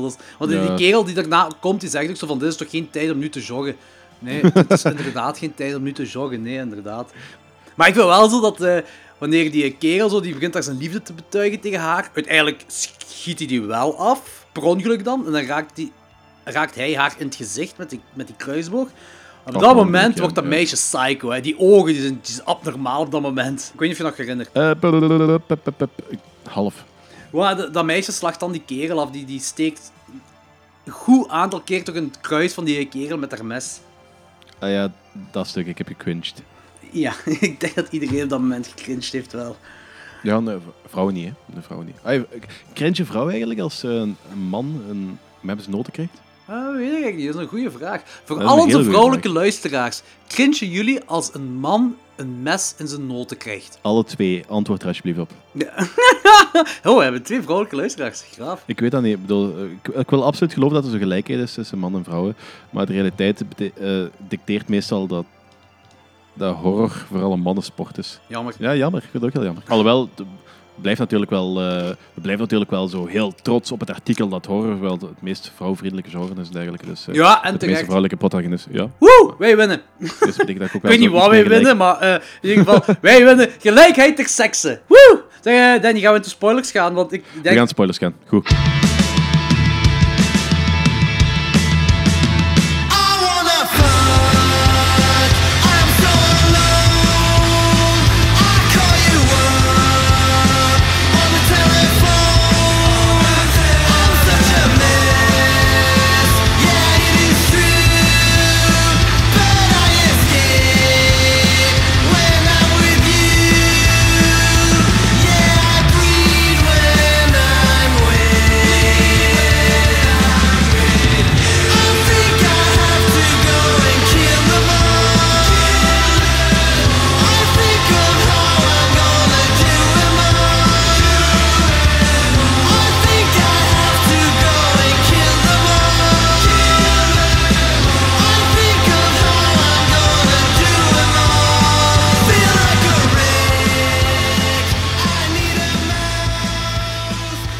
Je hebt daar die gele Rambo. En, oké, dat is geen racial slur. Ik bedoel gewoon met die dude, die draagt een gele bandana. En is, eh, niks te maken met dat Aziatisch Dat is, eh, een, dat is een van die eh, dudes wat al eerder daar was geweest. Hè? Ja, ja, dat is inderdaad die, die Is dude- dat de lul van de twee of de, de, tof, de sympathieke van de twee? de sympathieke van de twee die uiteindelijk de lul wordt, maar dan toch niet. En dan blijkt dat toch een sympathieke te zijn. Ja, die. Oké, Ja, ja. ja. dat is eh, de kerel met zijn gele bandana. Dus ja, Ja. gele Rambo. Die dude heeft een, intense, een heel intense backstory over hoe dat hij, dat hij die Battle Royale al heeft meegemaakt. En dat hij de enige overlevende is en dat hem wel, zijn geliefde heeft verloren in de vorige Battle Royale. Maar dan daarna zegt hem dat hem met die overlevende dan, die andere, dat koppeltje dan, dan zegt hem dat dat allemaal bullshit is. Maar, want uiteindelijk eh, eh, moeten we zo gezegd geloven dat hij dat koppel neerschiet, dat hij die erin heeft geluisterd, dat hij die neerschiet. Maar dat is allemaal gedaan om de overheid om de tuin te leiden. En dan blijkt dat die twee nog wel leven, want dan daarna zegt die leider, of die pa, die leider, whatever, die zegt dan nog zo van, eh, vanaf dat jij haar, ik ben de naam kwijt van, van, zijn geliefde, vanaf dat je haar, eh, vanaf dat je haar kwijt bent, zit je zo geworden of iets in die aard. Dus dat die hele backstory is dan wel allemaal gebeurd, veronderstel ik. Ja, ik denk ook dat eh, die backstory dat is effectief wel echt. Ja, dat hem gewoon zei van, eh, nee, dat is niet waar, dat, dat, dat was om je om de tuin te leiden, dat was eigenlijk gewoon om ja, de overheid om de tuin te leiden dan. Ja, maar ik denk dat eh, die mannen wel genoeg de backstory van hun slachtoffers hebben hoor. Dat ze wel weten wat er zo min of meer in hun leven is goed en fout gegaan. Ja. Dat is het idee wat ik wat heb, zo de controlerende overheid en dergelijke. Ja, nee, inderdaad, inderdaad daar, daar geef ik je gelijk in. Ik vond die vergiftigingsscène, die vond ik heel belangrijk in de film. Dat je al die meisjes daar hebt in dat ja, stukje eh, ja, keuken, zal ik maar zeggen. En eh, dat toont aan hoe, ja, hoe wantrouwig je kunt zijn naar iedereen in zo'n situatie. Maar dat was ook een scène, dat was ook een scène waar dat veel redelijk wat aandacht aan geschonken was. Hè. Ja, maar dat, dat was gewoon... duurde ook vrij lang. Ja, inderdaad. Dat wordt op een paar momenten ook dat gewoon één grote Jean-Claude Van Damme zijn. dat is één en al Uzi's die elkaar afschieten. En de ene giet die wordt dan een miljoen keer neergeschoten door een aantal Uzi's, maar ze, over- ze leeft dan nog wel. Dat is echt over de top. Ja, ik vond, ik vond dat die, die had gerust al zo vijf minuten ervoor mogen sterven door van de eerste salvo of zo. En dat was echt wel, dat was een beetje ridiculend worden tegen het einde. Van die eerste duizend kogels was ze sowieso echt al gestorven, ja. Die 7000 kogels wat erna volgden, had het dan nog niet gedaan, blijkbaar. het was, maar ik denk dat dat, iets, ik denk dat dat iets typisch van die Japanse kant is. Zo gewoon dat stuk, elk stukje nog eens over de top doen. Ik weet dat niet. Ik heb dat, Misschien. dat is een paar keer van deze film ge- ge- gebeurd.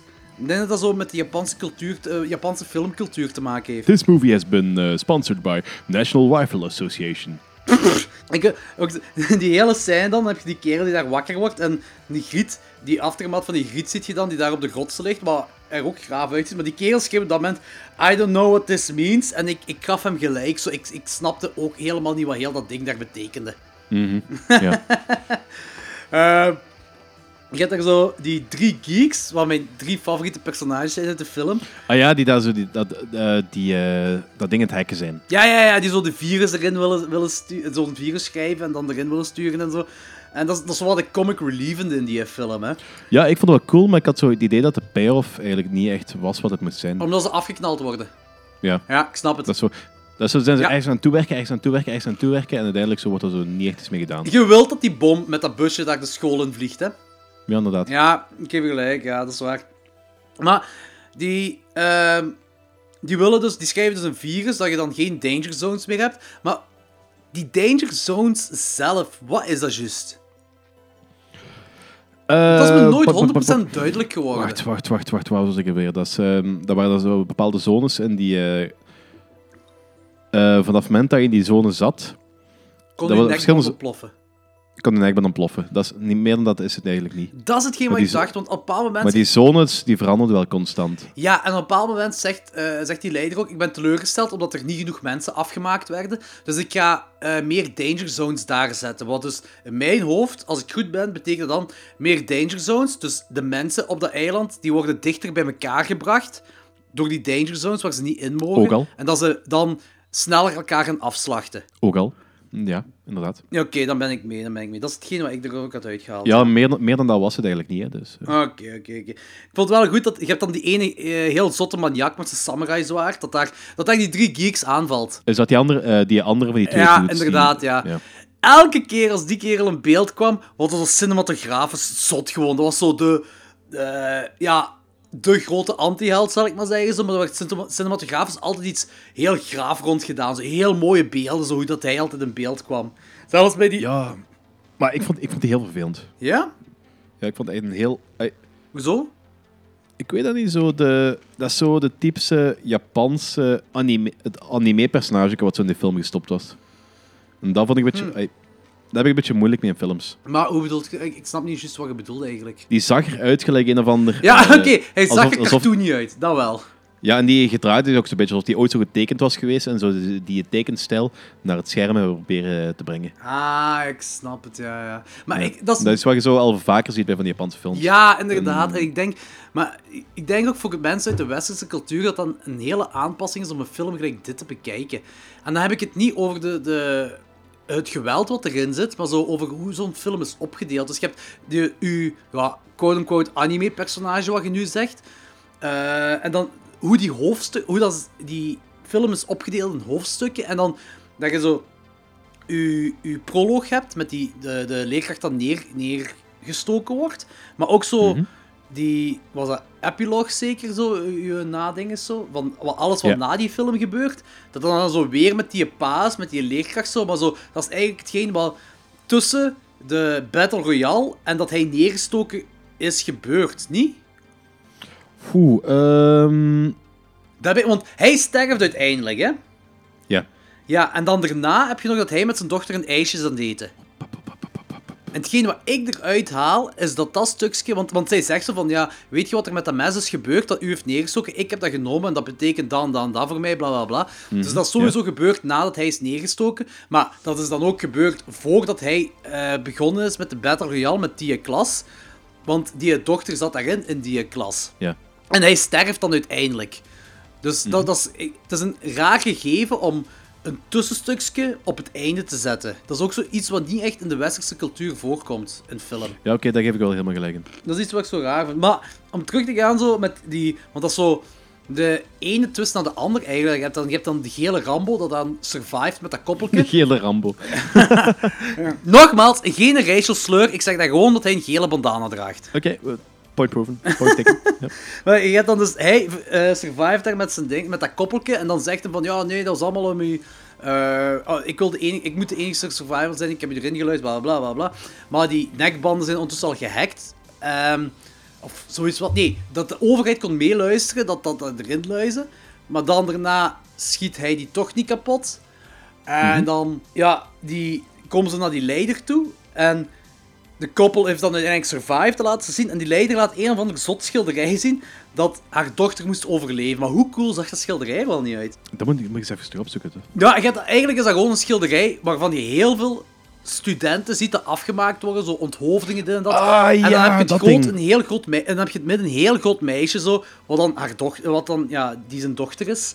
Wat dan de bedoeling is dat zij overleeft. Dat was de hele tijd de bedoeling van de leider toch in ieder geval. Ja, ik weet het weer. Dat is echt wel, dat is echt wel zot. Ay, dat ik nog, toen dat ik Battle Royale zie, had ik dan nog wel op onze Instagram willen zetten, eigenlijk, die, die painting. Ja, dat was echt een heel cool pijn. Maar hetgeen wat ik dus niet snap is, dus die leider doet dan alsof hij het koppel wil neerschieten. En dan heb je die kerel dat zo een eh, flashback krijgt van zijn pa dat daar zonder broek is opgehangen. en die schiet dan de leider neer. Maar die schiet die leider neer. en als ondertiteling krijg je op dat moment ouch. Die leider heeft zo een, een duizend kogels van een Uzi in zich gehad. En als ondertiteling staat er effectief ouch.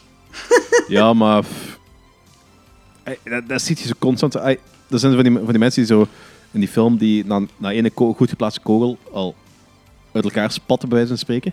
En anderzijds van die mensen die zo echt duizend kogels door hun lijf krijgen en dan gewoon een beetje rondwandelen en dan besluiten om in de zetel met een eh, chocolaatje in de mond te gaan sterven. Ja, oh, dus die was eigenlijk die was neergeschoten op de grond. En dan krijgt hij telefoon, staat hem op, neemt die telefoon op en zegt hem dat hem niet kan komen. En dan zegt hij, ja, dat komt ervan als je iemand haat of iets in die aard. Zegt hij, nee, het is een laatste koekje. En zegt hem, dus mijn laatste koekje. En dan sterft, hij- sterft hem. Ja, dat slaat ik nergens op. Hè. Dat slaat echt nergens op. Dat is volgens mij weer al een typische Japanse trope. Ja, dat kan wel. Ay, Zo speelt zich het er zo wat uit, vind ik. ja, gelijk zei Japanners zijn rare mensen op, op heel veel vlakken. Dat, je- dat, dat is zo... Ik vind dat een hele boeiende cultuur. Ik vind een hele coole cultuur. Maar dat is... Ja, Graag is inderdaad heel goed omschreven, ja. ja ik, ik weet echt niet hoe het anders beschrijven. Dat is zo... Dat is zo je ziet zo... uit een van de dingen, bijvoorbeeld... Als je tegenwoordig naar Japan gaat en dergelijke... ay, Ik ben natuurlijk niet in niet Japan geweest, staat op het lijstje. Maar ik zou er heel graag eens naartoe willen gaan. Maar als je zo Japan ziet, beelden...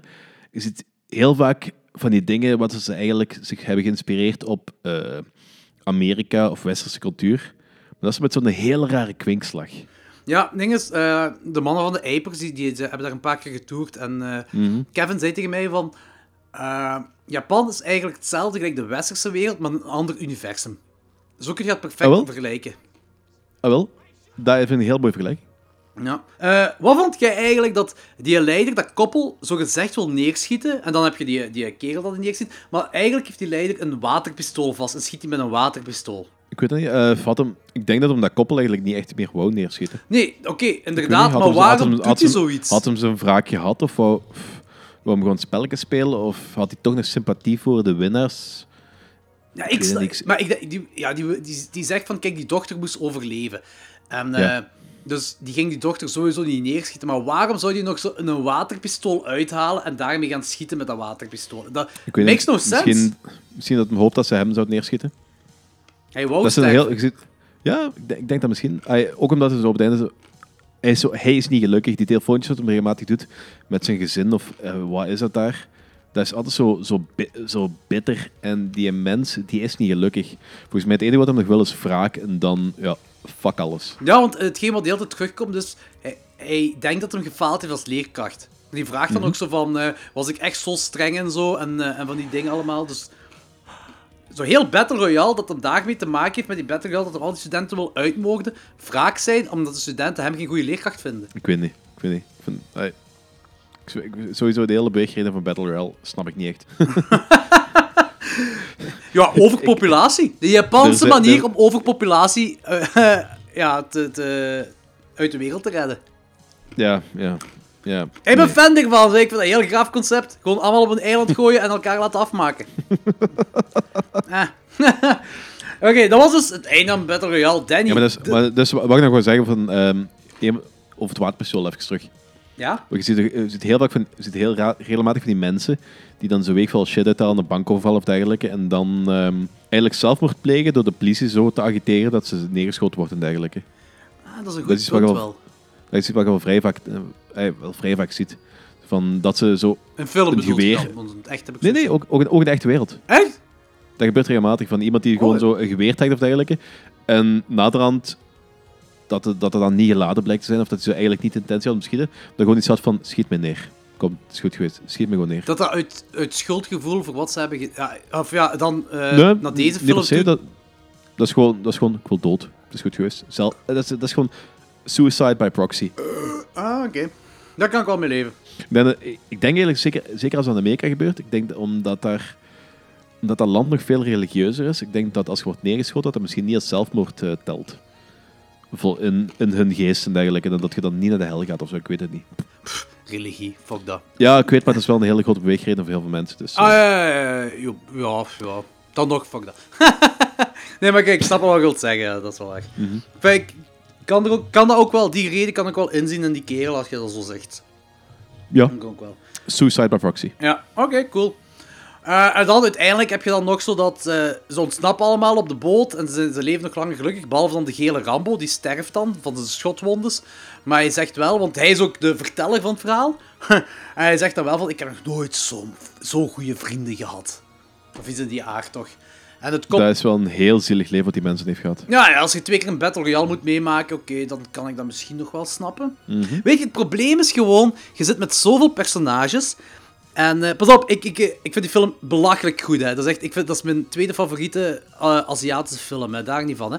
Maar, Serieus? Ja, ja, ja ik, ik, vind, ik vind dat een gigantisch grave film. Maar hetgeen, ik, ik ben ook fan van Aziatische cinema, maar Aziatische cinema is, is iets, dat is iets moeilijk te...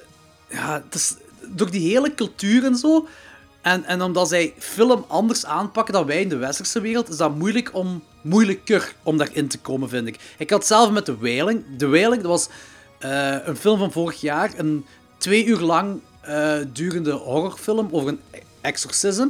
Maar met komische elementen in, maar niet zo over de top komisch. Niet haha-komisch, maar zo wat graafkomisch erin. Pff, Dat is moeilijk om uit te leggen. Maar het coole eraan is dat je... Je, je exorcism is een Zuid-Koreaanse exorcism met de religie vandaag. Dat wordt op een heel andere manier aangepakt dan dat ze hier in de westerse wereld. Dat is iets wat je niet zo ziet. En heel die film is op die manier ook super vreemd opgebouwd. Maar wel heel interessant opgebouwd. Eh, nog iets anders had ik Ehm. bij... Shit, bij wat was dat nog? Ik had nog zo'n film over laatst gezien. eh, een Zuid-Koreaans ook. En dat was ook zoiets van... De, ah, Shin Godzilla. Ja. Die Godzilla-film ook. Je hebt heel veel van die eh, Aziatische, eh, van die Japanse politiek erin. Dat was een Japanse film trouwens, geen eh, Zuid-Koreaanse. Maar je hebt heel veel van die Japanse politiek erin. Wat zo heel vreemd is om op bepaalde momenten in die film te zetten. Maar wat volgens mij gewoon. Ik zeg niet dat dat fout is of dat dat slecht is, gewoon vreemd. En ik, ik denk dat het te maken heeft met de Japanse filmcultuur en hoe die films worden opgebouwd daar. En de- hetzelfde heb ik ook met Battle Royale. Dat er zo, gelijk, die, je zit met zoveel personages en ze geven, de belangrijke personages, geven ze allemaal een backstory. Dus je snapt wat hun beweegredenen zijn in deze film. Je hebt zo wat, wat love interests en zo van die dingen allemaal. Maar toch is dat, omdat, omdat het duurt even, bij mij dan, duurt het even om erin te komen. Zeker de eerste keer dat ik hem zag, zo, eh, om al die personages te onderscheiden met elkaar. En dan eh, wie, wiens backstory is en zo. En uiteindelijk, na een paar views, snapte ik het wel. Maar nog is het moeilijk om zo'n een emotionele eh, band te creëren met die personages. Ja, ja. Ik, ga, er- ik, ga, ik ga er heel eerlijk in zijn en een beetje lullig. Dat mag. Het probleem is... en dat, dat klinkt heel racistisch, weet ik veel allemaal, maar die, die mensen lijken zoveel op elkaar. En ik, ik, vind, ik vind dat... is- Ik, Ik, dat, ja. nee, dat, dat, is, dat is een van de redenen, omdat ik heb het heel moeilijk om zo effectief te, te, te verbinden met zijn personage, want Dat snap ik. Dat begrijp ja, ik. dat is, dat is, Theo Maas heeft er ook eens een keer zo'n grapje over gemaakt of zo. Van, eh, ja, maar, van, ja, maar- ja, we zeggen altijd van, die, ja, die eh, Aziaten lijken wel op elkaar, maar zij vinden dat zelf ook. Dat zo, ja, wat, hoe denk je dat die komen? Is, van, is dat nou Xing of Chong? Maar kijk, En volgens... dat is grappig. Als die... Kijk, in deze film, het is ook het is moeilijk om eh, de personages uit elkaar te halen. En ze- zelfs uit een... Ja, ik- ik bedoel... Goh, het is moeilijk om zo telkens zo de racial dingen boven te halen, maar zelfs buiten dat, als je gewoon in de westerse wereld een film bekijkt en je hebt daar veel personages die op elkaar lijken, constant dezelfde kleding dragen, Dan is dat sowieso ook moeilijk om die uit elkaar te halen. Een, een, een ander voorbeeld is de, eh de Black Coat's Daughter dat we pas hebben gerev- eh, gereviewd. Eh, ja. Die twee meisjes, die lijken ook op elkaar, hè. Dat is wel met een reden gedaan in die dinges, in die film. Maar gelijk in deze film is dat niet de reden, dat, eh, is dat niet de bedoeling dat ze op elkaar lijken. En ze, haalt je hun hoofden eraf, haalt je hun gezichten eraf, dan lijken ze nog allemaal op elkaar. Dus dat heeft niks te maken met heel dat racial gedoe van inderdaad. Aziaten lijken wel even. Ze dragen ook allemaal dezelfde kleding. Ze, ze lijken effectief op elkaar. En dat is... Ja, maar dat is zo die, scho die schoollook, hè. En daarmee, ja, oké, inderdaad. Maar daarmee hebben ze ook de gele Rambo, die gele bandana gegeven. en eh, die andere kerel, die daar ook zo ja, vrijwillig is, zal ik maar zeggen, eh, dat, die anime-look gegeven. Die twee die, die staken er bovenuit qua zicht. Ja, daar heb je wel een heel goed punt eigenlijk. Maar voor de rest, deze was uw allereerste view, Danny. Wat vond je Dat ervan? is alle, allereerste keer dat ik heb gezien. Ehm, ik, ik heb ervan genoten. Dat is, dat is zo, het zal niet mijn favoriete Aziatische film worden. En ehm, ja, ik zal die waarschijnlijk nog wel eens gaan herbekijken in mijn leven, maar niet superveel. Maar eh, ik ben blij dat ik hem gezien heb eigenlijk. Los van het feit dat het zo een cultfilm is waar iedereen wel zegt van ja, je moet die gezien hebben. Het interesseert me geen fuck. Ik bedoel, ik kijk wel wanneer dat ik dat wil. Maar ik ben echt blij dat ik hem gezien heb. Ah, cool. Ja, ja cool. Echt. Fijn. Oké, hoeveel rate je? Eh, ik denk wel een 8. Oh, Oké, cool. Dat is nog een hoge score. Wel op zich. Allee, het is zo... Het is zo, eh, zo dat scoren, dat, dat is... Het is niet per se omdat het een 8 krijgt, dat ik, dat ik dat daardoor meer ga bekijken dan bepaalde films, dat ik net een 6 of een 7 zal eh, geven. Maar ik vind dat een 8 waard. Ja, nee, maar... Dat is een film die 8... Ja, Ja, ik geef je gelijk. Dat is cool. oké. zo wat. Eh, ik, heb, ja, ik heb mijn ding al, eigenlijk al gezegd. Wat, wat, mijn negatieve punten heb ik er al van gezegd. Ehm, ik, vind vooral, ik, vind, ik vind het vooral jammer dat, eh, dat ze met Uzi's en geweren en machinegeweren en zo gewerkt hebben. Terwijl, terwijl die scènes, die actiescènes op een top graaf zijn. Dat wil ik er niet meer zeggen. Dat is echt heel graaf gedaan. Maar dit had gewoon graven geweest, moesten alleen, moesten alleen maar afslachtingsmateriaal hebben gekregen en geen geweren. dan hadden we, oh shit, dan hadden we grave shit gezien. Desalniettemin vind, is dit mijn... Desalniettemin. dus, eh, Danny niet al te min. Dus, oh, is slecht mopje. Ik ben nooit te min. Eh, dit is mijn tweede favoriete Aziatische horrorfilm. Ik, ik, ik hou van deze film. Ehm, het concept is mega graaf. De, ehm, ze- kutten hem vaak weg wel van een, een afslachting, maar als je er ene ziet, ziet er ook wel belachelijk cool uit. Het is een beetje wennen om de personages te leren kennen, om eh, een emotionele band te kunnen creëren met die personages. Buiten dan die drie geeks. Die drie geeks was ik vanaf het begin al onmiddellijk mee. Dat is waar. Ja. En eh, dan heb je nog de twee, de twee ja, vrijwillig is nu niet het juiste woord, maar ik zal het gewoon makkelijk te houden. De twee vrijwillige kerels erin, die, eh, die uitblinken. Ehm, ik geef deze een 8,5. Ja, Oké, goed. Ik vind het echt een, heel coole film. Zeg, die, Ja. ehm, die tweede, welke maat? Eh, is dat eigenlijk gewoon hetzelfde? Of? Battle Royale 2 heb ik één keer gezien en dat was vlak nadat ik de eerste keer Battle Royale, de, deze Battle Royale heb gezien en ik weet er geen fuck meer over.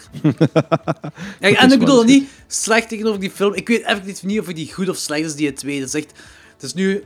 Ik heb deze een... eh waar wel een tijd geleden heeft gezegd, zo die Aziatische avonden wel gehad op dingen op eh, MTV. Toen had ik Battle Ja. Royale gezien. En ik denk dat ik Battle Royale 2 toen ook op zo'n Aziatische avond heb gezien of zo, maar vlak na elkaar was dat wel. Ik weet niet meer juist hoe het zat. En Battle Royale 1 heb ik vaker revisit, heb ik echt vaker gezien met de tijd. Maar die tweede ben ik nooit meer op teruggegaan. Dus, ik kan- dat is hetzelfde gelijk. ehm, de Ring remake heb ik meerdere keren gezien. De Ring 2 heb ik één keer gezien en ik, heb, ik weet geen fuck waarover die gaat. Ja, ik weet van de, eh, de Japanse of de Ik Amerikaanse? heb het over de Amerikaanse. Oké. Ja, het enige wat ik er nog van herinner is een hertjes. Ja, ik, ik, ik kan ook niet zeggen of de Ring 2 of dan slechte film is of die. Ik herinner me daar gewoon niks meer van. Ik heb hem ooit... Hetzelfde, hetzelfde gaat met Battle Royale 2. Ik heb hem ooit gezien. We praten nu over misschien 15 jaar terug. Ik weet niet zeker. En eh, ik herinner me er niks meer van. Dus ik weet niet of die goed is of niet. Oké, dat maakt, maakt niet zoveel uit, denk ik. Dus, eh, ik, ga gewoon, ga gewoon voor de grap eens kijken of dat die op IMDb krijgt, die tweede. Ah ja, oké. Ook wel curieusachtig. Want eh, deze krijgt eh 7,7, wat echt wel een hele mooie score Dat is een voor heel IMDb. hoge score voor een horrorfilm. Ah ja, horrorfilm. eh, Ja. eh, eigenlijk, die staat hier als eh, fantasy, drama, adventure. Fantasy klopt al helemaal niet, hè. Ja, dus, what the fuck. Nou, Eh, Battle Royale 2 krijgt 4,7. Dat is al drie punten minder. Owen. Maar het is nog altijd allee, boven de 4,5 eh, grens. Dus in Inderdaad. Ik, principe, voor- in principe van een horrorfilm ja, ik geef je 100% gelijk. is dat nog niet zo slecht. Ik vind meest, ik, ik, meestal 4 op 10 op IMDb is een goede horrorfilm. Meestal. Vanaf 4 op 10. Onder de 4 op 10 is meestal afgrijzelijk.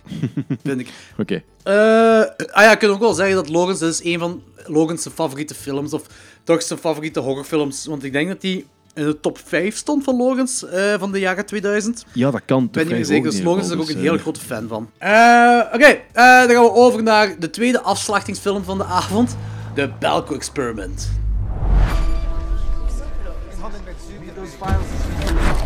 Belco is a non-profit organization that facilitates American companies in South America.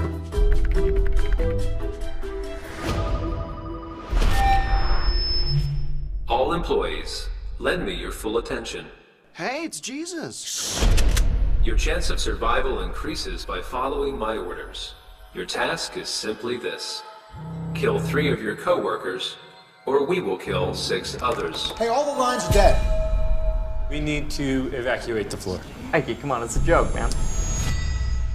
Hey, listen up, everybody. Whoever's doing this, they're having a little fun at our expense. Eh, hey, mijn ding is, mijn eh, poster van Psycho 3 en, en It Comes at Night is vandaag aangekomen. Oh, zot. Trouwens, over ehm dingetjes... eh, hebben dingetjes gesproken. Hoe is dat boek? Oh, Mike, dat is geniaal. Dat is echt zalig. Dat is, ik vind ook grappig. Ik weet niet of je mijn Instagram stories gezien hebt. Ja, ik heb dat gezien. Eh, ja. is, je moet wel eens opzoeken, die Brian Peck, ja, dat is gewoon een convicted pedophile. Oké, dus voor de mensen... Voor, indien naar de podcast komt, voor de mensen die niet weten, ik heb... ik liep vorige week in de IMS en ik zie daar zo een boek met alles over Return of the Living Dead. En onmiddellijk jou die gebeld van... Zeg, moet je dat hebben? En hij moest dat hebben. Jazeker. Ja, ik zei, Return of the Living Dead is een van mijn favoriete horrorfilms. Dus eh, dat moest ik inderdaad hebben. En dat is, dat echt, dat is echt de hele historie van... Ik, ik ben nog niet volledig doorheen het boek, maar de eerste drie Return of the Living Deads worden er sowieso besproken. En het voorwoord wordt gedaan door Brian Peck. Brian Peck wordt wel eens beter bekend als Kus in Return of the Living Dead. Maar is ook heel goed bevriend met Brian Singer, dat de X-Men films heeft geregisseerd. Ah, die pedo. Oké, Ja, die andere pedo. die andere Eh, pedo. ja, dus Brian Singer is... Dat wil ik misschien ook wel in de podcast zeggen. Brian Singer, de regisseur van de X-Men films, is een gigantische pedo. Die hield pedofiele feestjes waarbij jongens naakt in zijn zwembad moesten gaan en van die dingen. En eh, niemand geeft daar een fuck om, want eh Jeepers Creepers 3 komt uit en Victor zelf was een pedofiel en die wordt dan geboycott, die film, bla bla. Maar vorig jaar kwam X-Men Apocalypse uit en niemand zei er iets over dat Brian Singer een pedofiel is. Ja. Ik raad trouwens ook aan dat iedereen de documentaire An Open Secret kijkt. Die eh, documentaire die... Ja, die gelijk Corey Feldman komt er ook aan het worden. En Corey Feldman, ja, dat is een slachtoffer geweest van eh, de Hollywood-pedofilie. Serieus? pedofilie. Ja, ja, ja. Corey- heel fel zelfs. dat ja, dat die er een beetje... Ja, die staat er bekend om, ze, dat hij eh, daar slachtoffer van is.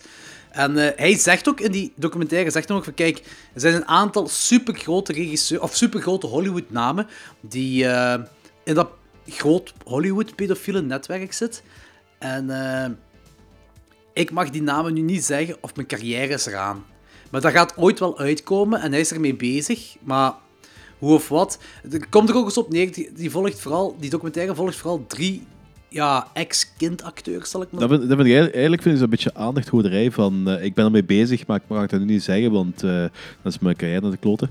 Als er, Nee, als, ja, er één als er één prioriteit is boven je carrière, is dat pedo's, is dat pedo's openbaar maken. Dat, is, dat zijn, dat zijn Eh. mensen die elk stuk voor stuk de strop moeten krijgen, de kogel moeten krijgen, weet je wat allemaal. Ja, maar Fuck je carrière, serieus. Ja, maar het gaat veel verder dan dat. Dus dat Hollywood-netwerk is, is, dat is... Ja, dat is bijna... eh, Ook wil zeggen van eh, bijkomstig, als, als er dan effectief zo'n netwerk is van supermachtige, supergrote regisseurs. En hij zit er even te zeggen van. ehm, eh, ja, maar de waarheid gaat toch wel uitkomen. Dude, dat is. Ik vind dat. ik geloof absoluut dat die eh, Peter Singer dat dan, dan een pedofiel is en dergelijke. Ik geloof absoluut dat zo'n netwerk is. Maar wat hij daar zo een beetje ligt te verkondigen, dat, als er effectief een of ander supergroot netwerk is en een of andere dude gaat dat wel laten uitkomen, ja, die is heel snel opgeruimd, hè? Nee, ik denk dat gaat volgens mij echt niet zo snel. Want eh gelijk bijvoorbeeld nu met Brian Singer ook. Dat is dus uitgekomen dat hij een pedofiel is. Maar die Brian Singer, die heeft eh, 10, 20, 30 tal advocaten. Eerst stond dat op Brian Singer's IMDb ook, dat hij beschuldigd is voor pedofilie en bla bla. Dat staat er ook allemaal niet meer op. Dat is zogezegd allemaal niet gebeurd. Van Brian Singer. Dat is allemaal niet gebeurd, zogezegd. Ja, maar als er een of ander is effectief verschil... Ay, dat is nu een of andere kerel die gewoon een damage control doet. Maar als er effectief zo een of ander eh, groepje of een of ander netwerk van eh, supermachtige, superrijke mensen zijn die eh, exposed gaan worden voor een van de zwaarste misdaden in de huidige westerse maatschappij, ja, nee. Ja, maar ik denk gewoon niet dat dat zo makkelijk is om onderuit te halen. Want Elijah Wood er ook tussen. Ah, Elijah Wood zegt ook wel van... Ik ben zelf als kindacteur nooit... eh, eh, ze, hebben nooit aan hem gezeten. Maar hij zegt veel van mijn vrienden wel. En eh, hij is daar ook voor aan het opkomen. En hij, hij weet ook dingen dat niet iedereen weet. Maar dat is iets wat je niet zomaar kunt... Gelijk als Corey Feldman nu zou zeggen... Die en die en die zijn pedofiel. Die en die die hebben mij misbruikt. En die en die en die hebben mijn vrienden misbruikt. Dat wordt heel snel weggepraat. Dat wordt heel snel... Absoluut, eh, dat geloof ik, dat geloof ik absoluut. moet je iets heel Maar- slim aanpakken. Je kunt dat niet zomaar de wereld insturen. En slim aanpakken is gewoon de bakken houden dat niet in een documentaire liggen verkondigen. En achter de schermen eraan werken. Dat is dat Maar slim werkt er aanpakken. achter de schermen want, aan, Want hè? hoe meer dat hem dat effectief in, in de media gaat zeggen van ik ben ermee bezig, ik ga die man exposen en dergelijke, meer dat die, hoe meer dat die eh, andere partij zich kan voorbereiden en hoe doen we aan damage control als iemand uitkomt dat dat gaat. We weten dat dat uit gaat komen. Dat als, hij niet weet, als dat niet weet dat dat uit gaat komen, dan gaan die veel later kunnen beginnen met de damage control. Gaat die damage control veel minder efficiënt zijn. Dat misschien wel, maar ze hebben ook zijn stukje hebben ze niet. Dat is, hij is niet. ah, hij komt al in de documentaire voor, maar het is een interview van vele jaren terug dat is afgelegd, dat hij toen heeft gezegd. En ik weet niet juist wat het verhaal daarachter is, maar dat stukje hebben ze in deze documentaire erin gezet. Dus doc Corey Feldman is niet echt gevraagd voor die documentaire zelf. Maar blijkbaar, volgens filmgoers, is die documentaire, is de grote fout van die documentaire, is dat ze... Kijk, ze, dus, ze hebben drie jongens, dat ze, of drie kerels dat ze achtervolgen in, Ja. in deze documentaire. En één is heel veel. Dat vond ik echt, dat was even, poeh, vond ik ook fel. Dat, die, dat is zo een of andere groot managerkerel voor kindacteurs. En die was heel goed bevriend ook met de ouders van zo'n kindacteur. Nu, zoveel jaren later, is die kindacteur met die kerel gingen die iets eten. En hij, die, of ex-kindacteur zal ik maar zeggen, die heeft een, een opnamedevice mee. En die zijn even alleen. En die zegt zo van, weet je nog toen, toen we, toen we ook even alleen waren, eh, we zijn een ijsje gaan eten, of iets in die aard, ik weet ook niet meer juist. En nu weet ik niet meer. Ofwel heeft die kerel hem gepijpt, ofwel andersom, ik weet niet wat het was. En die zegt zo, ja, ja. Dus die pedofiel zegt dan zo van, ja, ja, maar weet je, dat was toen een andere tijd. Dat kun je nu niet meer vergelijken met nu. Zegt die letterlijk, hè? Jezus Christus, man, echt serieus. Dat is echt dat is een heel vieze, dat is een heel vieze documentaire, maar het is wel... Uw ogen gaan er wel door open, dat wel. Eh, want er is ook nog een andere dat ze eh, volgen, maar die andere die staat bij het gerecht bekend, zogezegd, als leugenaar. Als eh, pathologische leugenaar. Want hij is ook degene die Brian Singer zogezegd ontmasker heeft. Er zijn nog anderen die, die, die dat verhaal van hem wel bevestigen. Dus het is... Ja, je moet... Oké, documentaires moet je het algemeen wel een beetje met een korreltje zout nemen. Ja, mensen, mensen serieus calls uit, want het is zoveel crap tegenwoordig. Ja, ja, natuurlijk. Maar ik geloof wel dat er een, een deel waarheid in zit. Want het is niet hij alleen die dat zegt. Het gaat over een bedrijf dat gestart werd, dat gefinancierd werd door, door eh, Brian Singer. En wanneer er verschillende dingen aan het licht werden gekomen, eh, was dat bedrijf ook gestopt plots. En Ja. het, is- het zit heel sketchy in elkaar. Maar het probleem, aan de- volgens filmgoers, is het probleem van documentaires dat ze vooral die eh, kerel hebben gevolgd, wat zogezegd een leugenaar is, maar niet die laatste kerel, dat daar ja, dat bewijsmateriaal van die pedofiel heeft, was echt van, ja, eh, het was een andere tijd, bla bla bla. Die zegt van, ze hadden hem moeten volgen, de documentaire moest op hem gefixeerd zijn.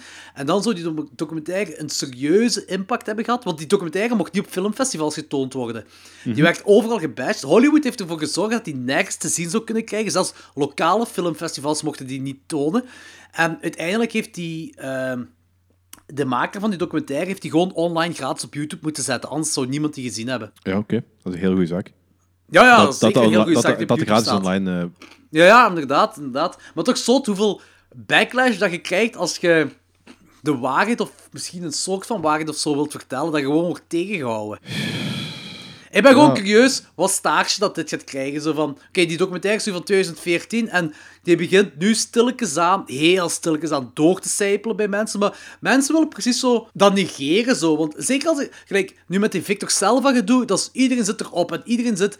ehm, van die film mag niet getoond worden en bla bla. Jeepers Creepers 3 dan. Hè. Dat mag niet getoond worden en bla bla. En, en eh, van al die shit. Maar als je dan praat over Polanski of Brian Singer of zo, dan is het zo allemaal zo.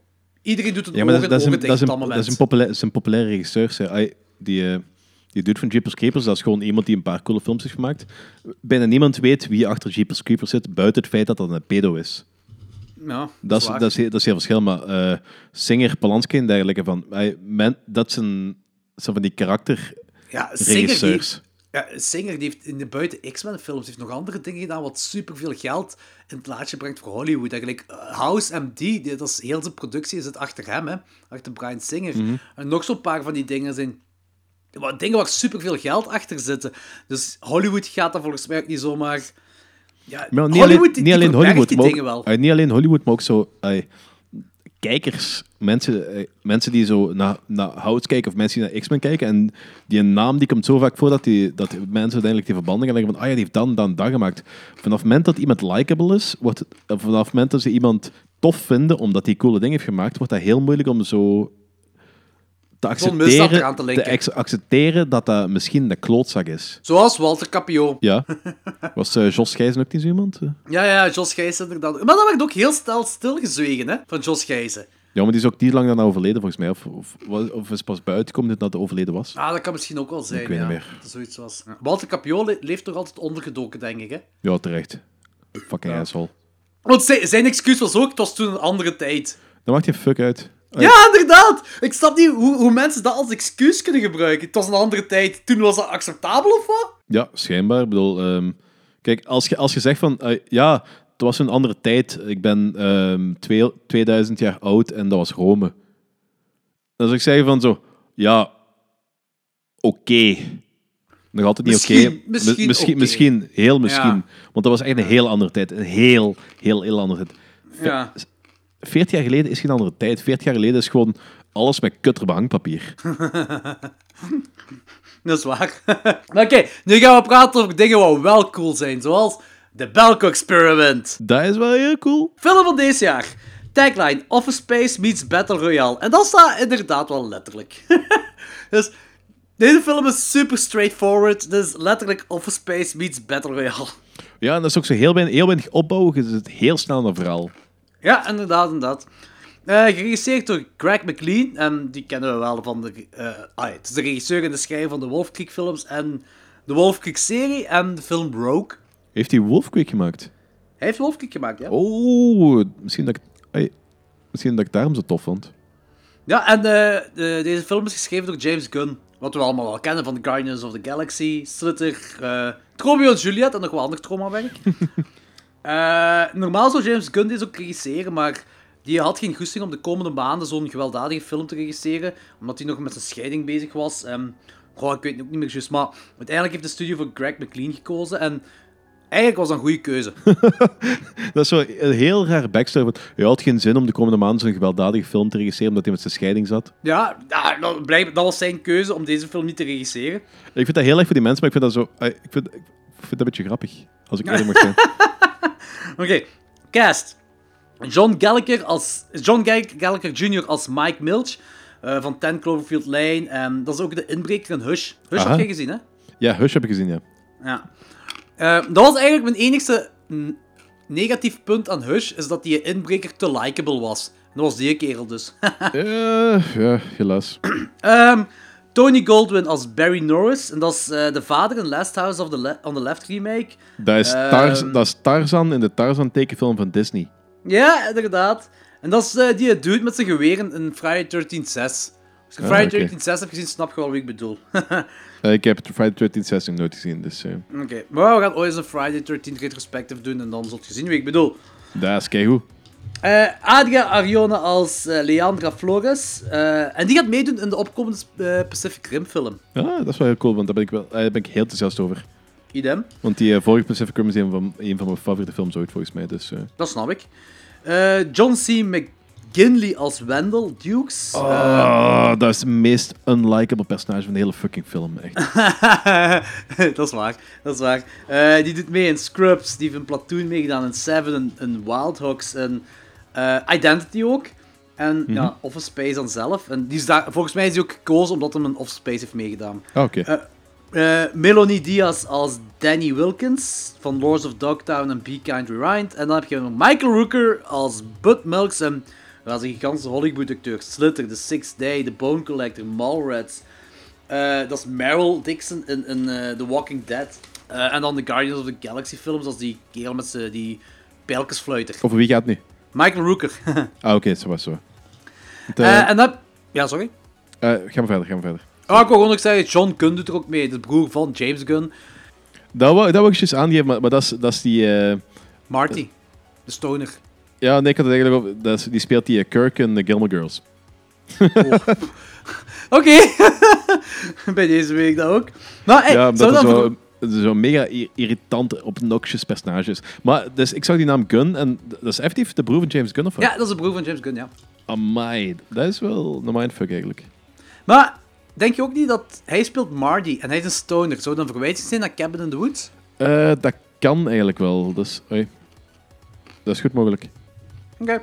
Een synopsis. In a twisted social experiment, 80 Americans are locked in their high-rise corporate office in Bogota, Colombia, and ordered by an unknown voice coming from the company's intercom system to participate in the deadly game of kill or be killed. Yes! Dus ja, oké. basically Battle Royale, maar dan in een ja, kantoorgebouw, hè. In Colombia. In Colombia, inderdaad, ja. Eh, Zou, zou, ja, dat, zou, dat iets, zou dat iets met kartels te maken hebben? Met drugskartels, dat denk ik sowieso wel. Nou, ik denk dat jullie niemand... eh, eh, nee? Nee? Eh, spoiler, fuck. Knip dat wel uit. Knip dat wel uit. Ja, dus... Ja, nee. Oké, de formule, de structuur, heel die film is super basic. Je hebt conflictoplossing, de wietrokers als comic relief, de villains zijn ook echt bad guys. De hoofdbaas, je hebt een hoofdbaas met zijn villains. dat is echt zo, zoals de villains bij James Bond, zo die hoofdbaas. Zo. Je hebt zo, Mhm, echt, dat is ja. echt zo de evil, het evil personage. En de helden die doen ook, doen ook echt alles om het goede te doen. Dus je hebt zo, heel alle personages zijn priest zwart-wit eigenlijk. Eh, straightforward en al. eh, er zit geen diepere betekenis in. Maar ze jumpen wel genoeg tussen de personages om genoeg te weten wie wie is en wat hun motivatie is. Ik vind dat cool. Ik vind, ai, er is niks diep in deze film. Dit is gewoon straightforward. En dat is. Ik vind niet dat dat slecht is. Ik vind in deze film werkt dat perfect. Ja, maar dat, dat is eh, een beetje gelijk dat... eh juist aanhaalde Pacific Rim, dat een van mijn favoriete films ooit is. Een van de dingen wat ik zo cool vond aan die film, is dat er zo... eh, je bouwt niet op naar een of ander persoonlijke, weet ik veel welke shit allemaal. Het is gewoon een film die gaat over gigantische robots die vechten met gigantische buitenaardse wezens. En dit is ook, dit is gewoon een film over elkaar uitmoorden op kantoor. Meer is er niet aan niet. en dat moet ook niet. Is, dat is zo die, eh, die illusie dat elke film een uitgebreide backstory moet hebben met de connectie van alle personages die serieus uitge uitgewerkt moeten zijn. Dat is bullshit. Dat werkt, niet in, dat werkt niet in alle films. En Ja. deze film zou dat ook niet werken. Hetzelfde Dat- met, met Evil Dead Remake. Dat heb ik ook gezegd van dat e- de enige personages dat goed zijn opgebouwd zijn Mia en Dave. En al de rest zijn gewoon eh, bijhorende personages, maar er zit geen goede, geen goede backstory in. Maar dat wilt je ook niet. Je wilt gewoon fucking Necronomical shit Ja, zien maar, op ja, dat moment. dat, dat is die, die andere personages, dat is gewoon een vlees waar, je dingen mee kunt doen. Ja, voilà, inderdaad. En hier is dat juist hetzelfde. Dit is ook gewoon entertainende, gewelddadige film met een heel hoop exploding heads, waarbij mensen elkaar afmaken. Niet meer, niet Mhm. minder. Ja. En dat is gaaf. Openingslied vind ik ook cool. Dat is zo, ik was zo aan het denken van, dat ken ik van ergens, dat ken ik van ergens. En dan zo, ah, dat is I Will Survive, maar gewoon in Spaans. Ja, dat was ook wel grappig. Ai, dat zit zo Ja, even- dat, even over dat, is, dat is grappig, ja. Dan zit je zo nadenken, ik ken dat, maar dan moet je zo tot refrein wachten van, ah ja, shit. Oké, je hebt dan in een bedrijf genaamd de Belco. Eh, ja, de Belco noemt dat gewoon, dacht ik. Hè? En dat ligt dan in the middle of nowhere, ergens in Colombia. En er zijn wat ongewone dingen aan de hand. De lokale Colombiaanse werkers mogen van nieuwere strenge security niet binnen het bedrijf. En diezelfde eh, security is dan ook zo in en uit een of andere vliegtuighangaar aan het gaan. Ja. En eh, dan heb je zo de Amerikaanse werknemers dat er iets langer dan een jaar werken, ofwel goed nieuw zi- nieuw zijn, maar ze hebben in ieder geval allemaal een... Dat vind ik wel cool, dat ze een heel simpele uitleg geven van waarom ze een tracking device hebben. Dat is gewoon dat door die drugskartels dan, dat eh, daar veel ontvoeringen aan de hand zijn en bla bla bla. Maar zou jij werken in een bedrijf dat zegt, je, hebt een tracking de- je krijgt een tracking device in je lichaam? Nee. Nee, ik denk ik ook niet. Ofwel moet ik wel fucking goed betaald worden. Kijk, ehm, dat is nu de laatste, de laatste paar maanden is er redelijk wat te doen over van die dingen, like Neuralink en dergelijke. En ik geloof dat op zijn duur, dat zo eh, van die interfaces en weet ik wat allemaal, dat dat, ik weet niet, onvermijdbaar gaat zijn. Als je, Ja, als je, als je, als je. Sorry, zeg maar. als je zo volle bak wil meedraaien in de maatschappij, gaat dat op den duur gaat dat onvermijdbaar zijn, denk ik. Dus, dus Je hebt het zo... over die tracking devices, hè? Nee, niet alleen tracking devices, gewoon algemeen gewoon, aug- gewoon augmentatie van je lichaam en dergelijke. Dat zo op, op het begin gaat het zijn wat optioneel is. Zo alleen voor de rijke mensen. De- Duidelijk gaat dat zoiets zijn wat optioneel is voor mensen, dat moet niet. Naar de rand gaan zo meer en meer ehm, voordelen voor de mensen die wel zo augmentaties en tracking devices en neurolinks en dergelijke hebben. Gaan zo shiften naar nadelen voor mensen die dat niet hebben. En uiteindelijk gaat je een beetje gedwongen worden om mee te gaan dat verhaal.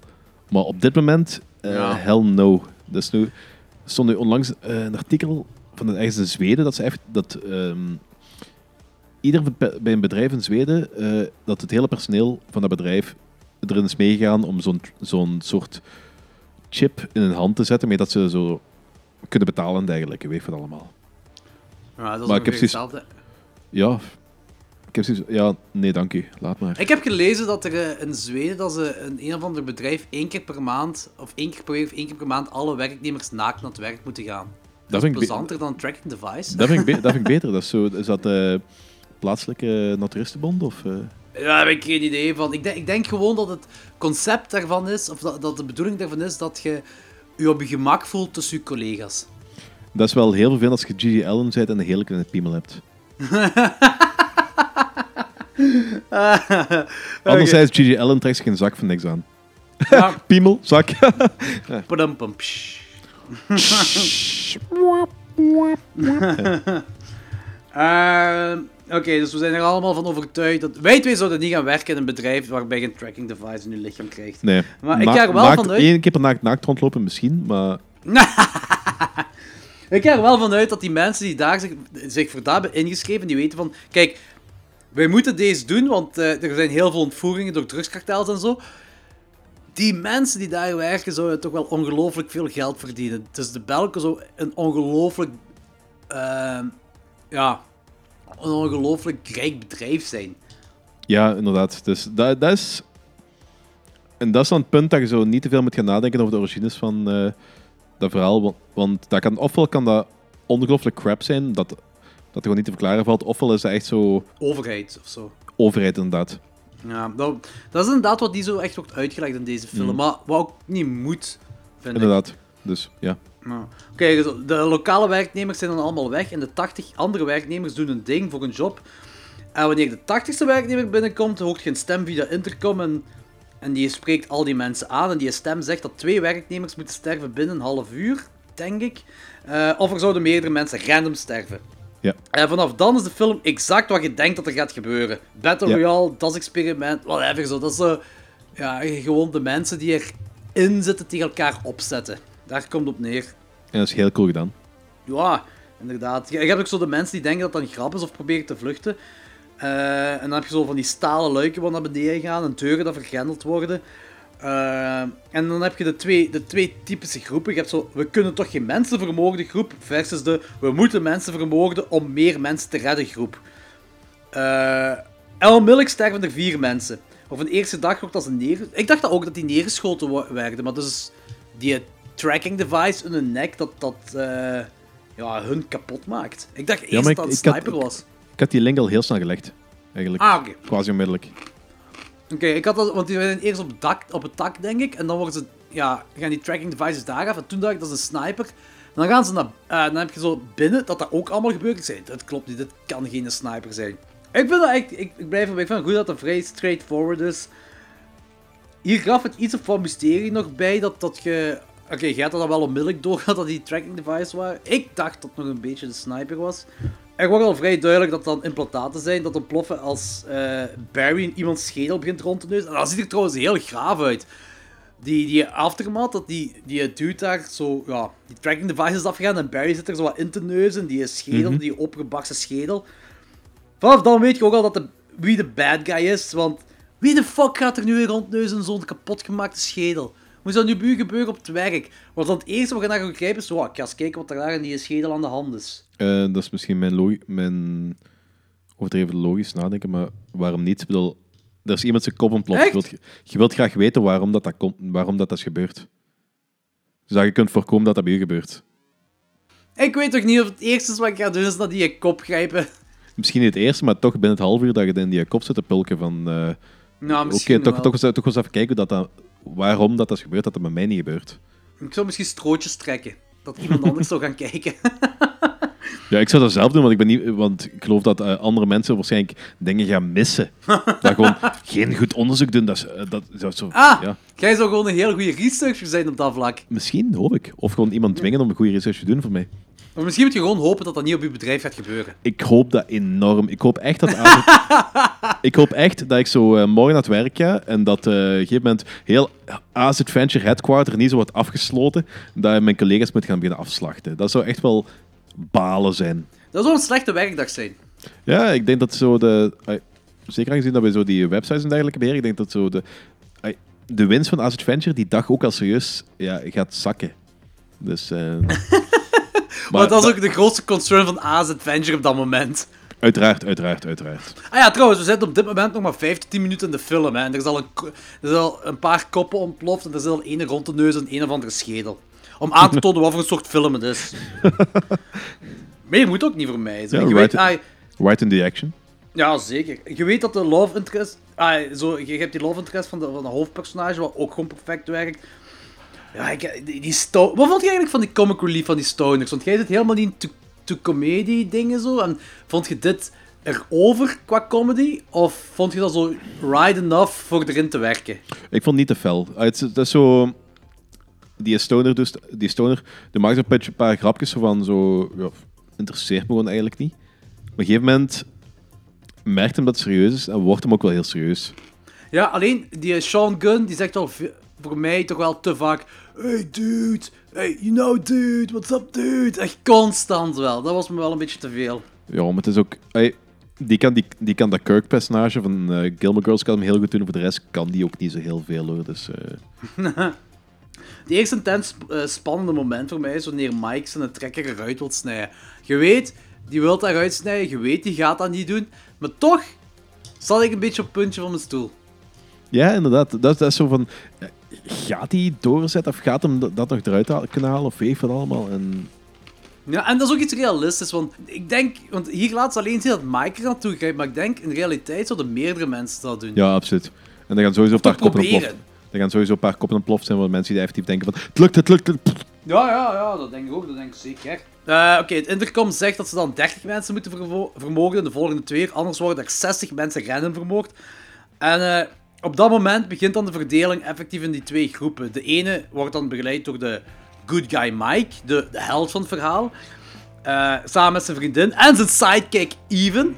En eh, de andere dan door de evil villain Barry en zijn minions. Want zo wordt die film effectief opgebouwd, hè. Ja, vooral Wendell als eh, evil minion. Ja, ja, inderdaad. Maar ik vind die, die, die sidekick, die Even, die vind ik ook cool. Die, wow, die security kerel. Ja, dat is, zo, dat is zo een van de meest likable personages in de hele film. Dus, eh. Ja, ja zeker. Eh maar gaan we de spoilers? Eh, ja.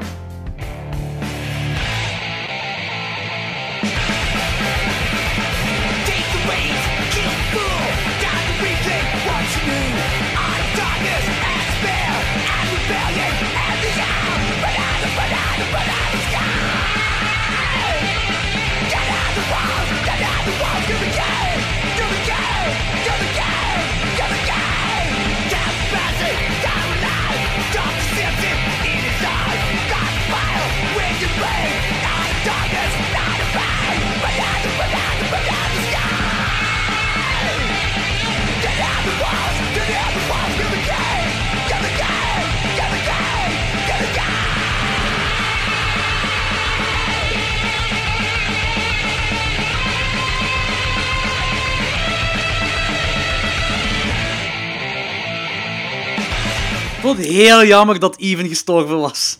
Dat hij vermoord Ja. is. Want Ja. gelijk gezegd, dat was een super likable personage. Mhm. Ik dacht ook dat Michael Rooker en zijn maat dat dat echt zo de evil personen zouden zijn. Want zo speelde die film zich precies ook effectief op, maar totdat die eh, zijn maat, totdat Michael Rooker zijn maat hem per ongeluk zijn hoofd Ah, die, die, wer- die werkmannen. Ja, ja, ja, ja, met die met dat oranje jasje aan of dat oranje Mhm. dingske aan, zo ja. Ja, Michael Rooker, dat is trouwens zo ehm, in eh, The Walking Dead ook zo een van de personages. Ja, ja, ja, dat hebben we vermeld. En daar speelt echt wel een klootzak in, hè? Ja. En Ah, ja, dus de, de pijltjesfluiter van de Guardians of the Galaxy, hè. Ja, inderdaad. Mhm. Nou, dus ik dacht dus effectief dat hij de dingen, dat, dat hij de slechterik zou zijn van deze film. Ja, maar dat is echt... Die, die is ook vrij likable eigenlijk. En dat is raar, omdat hij zo... Volgens mij toch eens een beetje getypecast wordt tegenwoordig als asshole. Omwille Ja, van Walking ja. Dead. Dat denk ik inderdaad ook wel. Hoe cool zag er wel niet uit als zijn hoofd is ingeslaan dat je echt die bloed zag. Ja. De practical effects in deze film zijn gigantisch cool. Hè. Dat is echt zo mega zot. Ja, en heel realistisch ook. Je ziet zo... Ik weet niet, is er zo CGI te zien? Ik heb niks CGI gezien. Ik en als er CGI gebruikt is, is dat gewoon goed gedaan. Ja, inderdaad. En de, de practical effects ook allemaal... Er is zo Oh ja, niks, op- niks in die film wat er zo nep uitziet. Nee, inderdaad. Dat was echt allemaal... Dat was fucking gaaf. Elke keer als, ik, als er zo'n kop ontplofte of dat er iets gebeurde, dacht ik zo... Alright, this is awesome. Dat was echt perfect. Dus, eh kijk, je hebt dat conflict met dat wapenkot dan, dat de bad guys het slot willen afbranden. Mhm. En eh, dan heb je een tweede intens moment waarbij Mike en nog wat mensen op het dak eh, een groot spandoek willen hangen om hulp te roepen. Inderdaad, ja. Ik weet niet of dat effectief al realistisch is, hoe dat zou overkomen. Die Mike was op dat moment gewoon super koppig. En ik, eerlijk gezegd, ik zou, niet, ik zou inderdaad ook wel proberen om die spandoek te doen. Maar als dan als eh, iedereen beginnen af te knallen op dat moment. Ze zijn effectief aan het schieten naar die spandoek toe. En Mike grijpt dan terug naar dat spandoek om die op te hangen. Dat vind ik wel een beetje. Ja, maar ze geven zelf aan dat dat spandoek zo fucking zinloos is. Dat, kunt dat, kunt je, dat is het zin, zinvolle volgens mij. Dat spandoek gewoon met plat op, Op dak. op dak te leggen. Voor dat dan- helikopters of dan- eh, inderdaad, ik wat allemaal. Waarschijnlijk zal dat ook wel zo'n no-fly zone zijn ik wat allemaal. Maar dat is zinvoller dan je leven te riskeren voor een spandoek wat niemand gaat zien. Ja, dat klopt. Want er wordt ook op dat moment wordt er iemand afgeschoten. Dus ze staken dat plan ook. Inderdaad, ja, terecht. Ehm, terecht. Ja, ja inderdaad. Maar ook weer... Ja, dan, vanaf dan heb je weer zo één voor één dat ze elkaar beginnen uit te mogen. En de ene kill is gewoon gewelddadiger dan het ander. Deze film... Oké, eh, veel bloed, veel gore, veel geweld. Deze was... Deze was fucking awesome. Mhm. Oké, je hebt dan die hal waar iedereen verzameld wordt. En eh, Barry kiest dan uit welke 30 gedood worden. Dat is zo een beetje clichématig, maar misschien ook realistisch. Zo van iedereen eh, met kinderen jonger dan 18 wa- worden zo gezegd gespaard. De mensen ouder dan 60 worden eruit gekozen. Eh, dat blijkt er dan niet veel te zijn. En dan begint Barry gewoon systematisch mensen eruit te kiezen die hij wil doden. Ja, Waaronder vooral, mensen vooral mensen die zijn, eh, zijn, zijn, zijn vaarwater hebben zijn dictatuur aan het ondermijnen waren. Ja, inderdaad. Dus Mike dus ook. En dan heb je het derde intens moment van de film, dat Mike juist gered wordt omdat eh, Danny de licht in het gebouw uitdoet. Met als gevolg dat er een en al chaos is in Tonker en dat er overal wordt neergeschoten. En dan Mhm. 29 van de 30 mensen zijn vermoord en Barry en zijn minions jagen op de mensen op de dek zitten om toch maar te vermoorden. Dat lukt niet. En 60 mensen kop ontploffen, één voor één. Ja, Fantastisch. dat, dat, dat, dat is een beetje lullig, maar dat mag hem dat in te horen zijn. Daar had ik op zo op gehoopt. Ja, ja, idem. Ik, dat was zo fucking gaaf ook. Het is gewoon... Oké, ik weet niet of, dat, of ze letterlijk 60 mensen lieten zien, maar ze lieten godverdomme wel veel mensen zien dat een kop ontplofte eigenlijk. Ja, en heel veel van de personages die ook al voorgesteld waren. Ja, inderdaad. Zo dingen waarvan je niet zou verwachten van, wow, die gaan ze niet doen. Bam, toch wel. Fantastisch. Ja. Oké, en vanaf dan worden ze door de intercom geïnformeerd dat eh, degene die het meeste mensen vermoord zal overleven. En Mhm. daar draait de... Wel, zeker voor Barry draait het op dat moment daarom. Eh, dan heb je de Stoner Marty, dat verzamelt dan de niet geëxplodeerde knikkers van de hoofden van de mensen die op een andere manier gestorven zijn. En die wil dan... Ja, zijn plan is om muren te laten ontploffen. Ja. Maar ja, nutteloos is, dat weet je. ah, Je weet dat dat nooit gaat lukken. Eh, maar later neemt Mike dan... Nou, Marty sterft en later neemt Mike dan die dinges, die knikkers. Wat heel belangrijk is voor het einde van het verhaal. Ja, inderdaad, want eh, dat, dat had ik op dat moment zelfs niet door. Nee, ja... Oeh, wat, wat bedoelt je? Wat je niet door? Dat, dat, hem, eh, met die, dat hem die knikkers effectief had meegenomen dat het zo belangrijk was. Ah, zo bedoel je. Oké, oké. dat, leek, ja. dat, leek, dat leek zo triviaals. Nee, ik had wel door dat hij dat meenam. Ja, maar ik dacht dat hem daar Eh, zo'n maar ik wist niet muur- wat zijn plan ermee was. Ik, Inderdaad, ik ik dacht, dat hem zo'n muur mee ging ploffen, of heeft het allemaal. Of... Ik dacht dat hij dat in Barry wou steken, dat een Barry daarmee wou laten. eh, Ik, mijn, mijn gedachten gingen nog niet eens naar ontsnapping of zo toe. Mijn, mijn gedachten gingen gewoon van: hij heeft die knikkers meegenomen om Barry kapot te maken. Oké, dus jij dichter bij de waarheid dan mij. Dus. Oké, maar je hebt daarvoor nog dat Leandra die schiet Wendell in zijn been, slamt een tafel op die been en hakt dat met een bijl recht in die dude zijn kop. En de camera kut niet weg, hè. Dus dit zijn gewoon allemaal mainstream Hollywood-acteurs dat onscreen op een mega gory manier gedood worden. Dat is gewoon prachtig. dat is graaf, hè? Dat is echt cool, hè? Dat is, dat, is, dat is shit waar ik van hou, ja. Fuck man, dat is gaaf.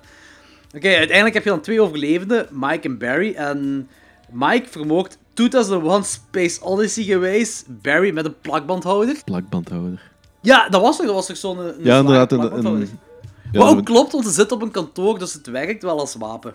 Ja, maar dat, dat, is, dat, is, dat, is zo, dat is zo de ultieme hint naar de locatie eigenlijk. Hè. Dat is, eh, dus dat, dat de setting gewoon een fucking plakband had. Of met zo'n prespapier of met een stapler of je wel. Maar dat, dat was allemaal van die dingen die zo perfect de eindmoord zouden hebben. Ja, het, ja, het werkt perfect als payoff voor Barry te vermogen. Mm, dat is ook gaaf gedaan, echt gaaf gefilmd ook gewoon. Dat is een goede payoff. Eh Oké, je hebt de eindes. Je hebt de, die explosieve knikkers, die worden in een soldaten een zak gedaan. Mhm. En bij de hoofdbaas ook. En dan blijkt dat... eh, ja, die ontploffen dan allemaal. En dan blijkt dat heel dat experiment gebeurt over heel de wereld. Je hebt heel veel melkos en dat gebeurt daar overal allemaal. Maar hetgeen wat ik een beetje afvraag is gewoon op het einde laten zien stage 1 complete en stage 2 will now commence of commence of zo. Ja. Betekent dat dat ze gaan voor een sequel? Eh, ik hoop dat eigenlijk wel. En wat hoop je dan te zien in die sequel? Wilt je dan het verhaal van Mike zien? Hoe hij zijn leven verder gaat na dit eh Belko-experiment? Of wilt je gewoon een eh, andere Belko-experiment zien? Ergens anders. Nigeria of in Rusland. Dat weet ik niet. Ik denk dat als je zo'n ander... Vruns. Belko-exper- Als je, ja, dat zou wel heel gaaf zijn. dat is ook zo... Belko-experiment, Dat de is ook zo'n... Hasselt Edition. Dat is ook zo'n wetloos land daar, dus eh, dat, kan, dat kan allemaal. Ja, Runks is een land op zich. Ja, nee, eh, pop, pop, pop, pop. Valt eigenlijk... Hangt er eigenlijk vanaf, want op zich dat zou wel cool zijn, zo'n nog zo'n Belko-experiment. Maar het probleem is, dat is- dan zit je in wat voor mij... Ik weet dat jij daar een heel andere mening over, mening over hebt. Maar voor mij zou het dan zo gewoon een continu- continuatie van eh, de Saw-serie zijn. Gewoon een opeenstapeling van eh, coole dead scenes, zonder dat het verhaal er eigenlijk heel veel toe doet. Maar hangt er vanaf. eh eh, ik, snap, nee, ik snap wat je wilt zeggen van dat als ze nu gewoon als ze vijf sequels maken en vijf soorten Belko-experiments doen en gewoon dus, eh, niet het eindpersonage volgen, maar gewoon de volgende Battle Royale, Ja. wat zeg ik, Battle Royale, een volgende Belko-experiment erin zetten. Zo. Dat is. Dan wel. Maar zo is het wel dieper in elkaar dan dat. ze. Dat ja, ik, weet, ik weet maar, maar dat is wat ik heb gezegd. Van uiteindelijk, eh, ik had niet echt meer een overzicht. Ik weet dat jij daar veel feller in toe zit dan mij, maar ik had op het eindelijk, op het einde had ik niet echt meer zo'n overzicht van wat nu de verhaallijn eigenlijk was. Welke Ja. personages wat deden. En Weet je wat het probleem is bij de de Saw-films? film, de film die ging over dead scenes voor mij. Nee, weet je, het probleem bij Saw is... Of, het probleem, zit, er is te veel om over na te denken qua verhaal. Dus als je al die deads achterwege laat, is er te veel om over na te denken hoe alles aan elkaar gelinkt is. Ja. En je kunt, als je die gaat marathonnen, dus dan bedoel ik echt gewoon de zeven films achter elkaar, dan wordt het heel ingewikkeld en, en, en eh, heel moeilijk om te volgen. Maar als je ze één keer per jaar ziet, dus Saw 1, het jaar daarna Saw 2, het jaar daarna Saw 3 en bla bla bla, zo verder, dan, want dan zet je de vorige personages al de helft vergeten en dan wordt dat ook moeilijk. Dus eh, ik, er is echt een stramien dat je moet volgen om de Saw-films te kunnen begrijpen en dat je die kunt ook echt accepteren als dit is inderdaad de slimste franchise, horror-franchise dat ooit in elkaar heeft gestoken. En dat is één of twee films per week, twee films per week kijken en dan kun je alles overzichtelijker zien. Nu, ik denk wel, eerlijk gezegd, met heel die Game of Thrones fanbase dat er is, want Game of Thrones heeft een miljoen keer meer personages die belangrijk zijn dan Saw. Dat de mensen dat wel misschien meer gewoon zijn om meer personages te kunnen volgen. Ja, misschien. Nu, in deze tijden, ik denk, tien jaar geleden was dat moeilijker voor mensen, denk ik wel. Maar nu in deze tijd met Game of Thrones, dat dat wel makkelijker is. Ja, maar, om dan terug te gaan op het Belko Experiment, ik denk wel inderdaad dat als ze gewoon gaan doen, ja oké, hier heb je Belko Experiment, de Russia Edition of whatever.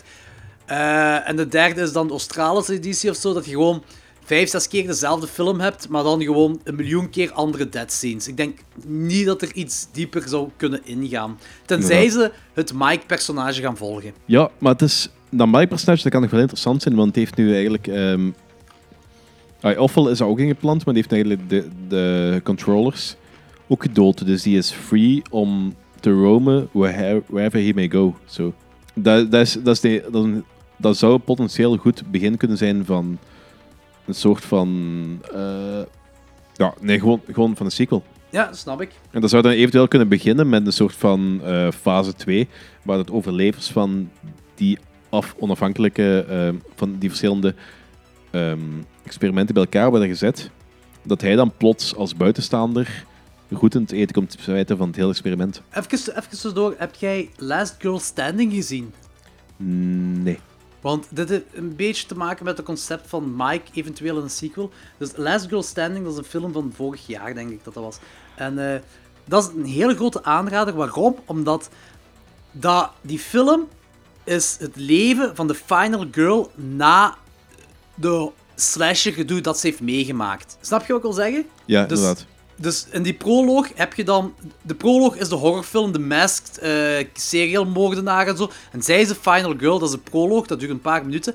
En de rest van die film is hoe haar leven verder eruit ziet na datgene wat zij heeft meegemaakt. Dat is ik- geen, geen horror of... eh, Jawel, jawel, het is een horrorfilm. Het is een horrorfilm. Ehm, dat is een heel interessant gegeven. Dat is een heel origineel eh, premise ook voor een, voor een film te maken. En eh, ik dacht er gewoon aan, omdat eh, heel dat Mike een sequel gedoe zo, dat dat... Als je een sequel maakt over Mike's leven van deze film, dan is dat ook zo hetgeen, ja, hetgeen wat er na de horror gebeurt. En Last Girl Standing, dat is een, ja, dat is een heel grote aanrader trouwens. Dat is een heel zalige film. Maar, maar op eh, Netflix staat ook de film The Final Girl. Is dat... The Final Girls bedoelt je of zo? Nee. Ja, Final Girls of Final... De, gewoon de The Final, Final Girl. Girls, denk ik dat die noemt. Ja. Dat is, eh, dat is een... Die wordt heel hoog geprezen, maar ik vind die minder. Dat is een... eh, dat is... Ja.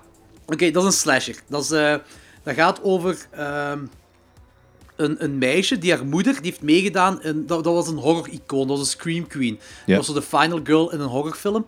En... ehm, zij, ja, die haar, de dochter, haar, ja, de dochter dus, haar leven is er een beetje door beïnvloed.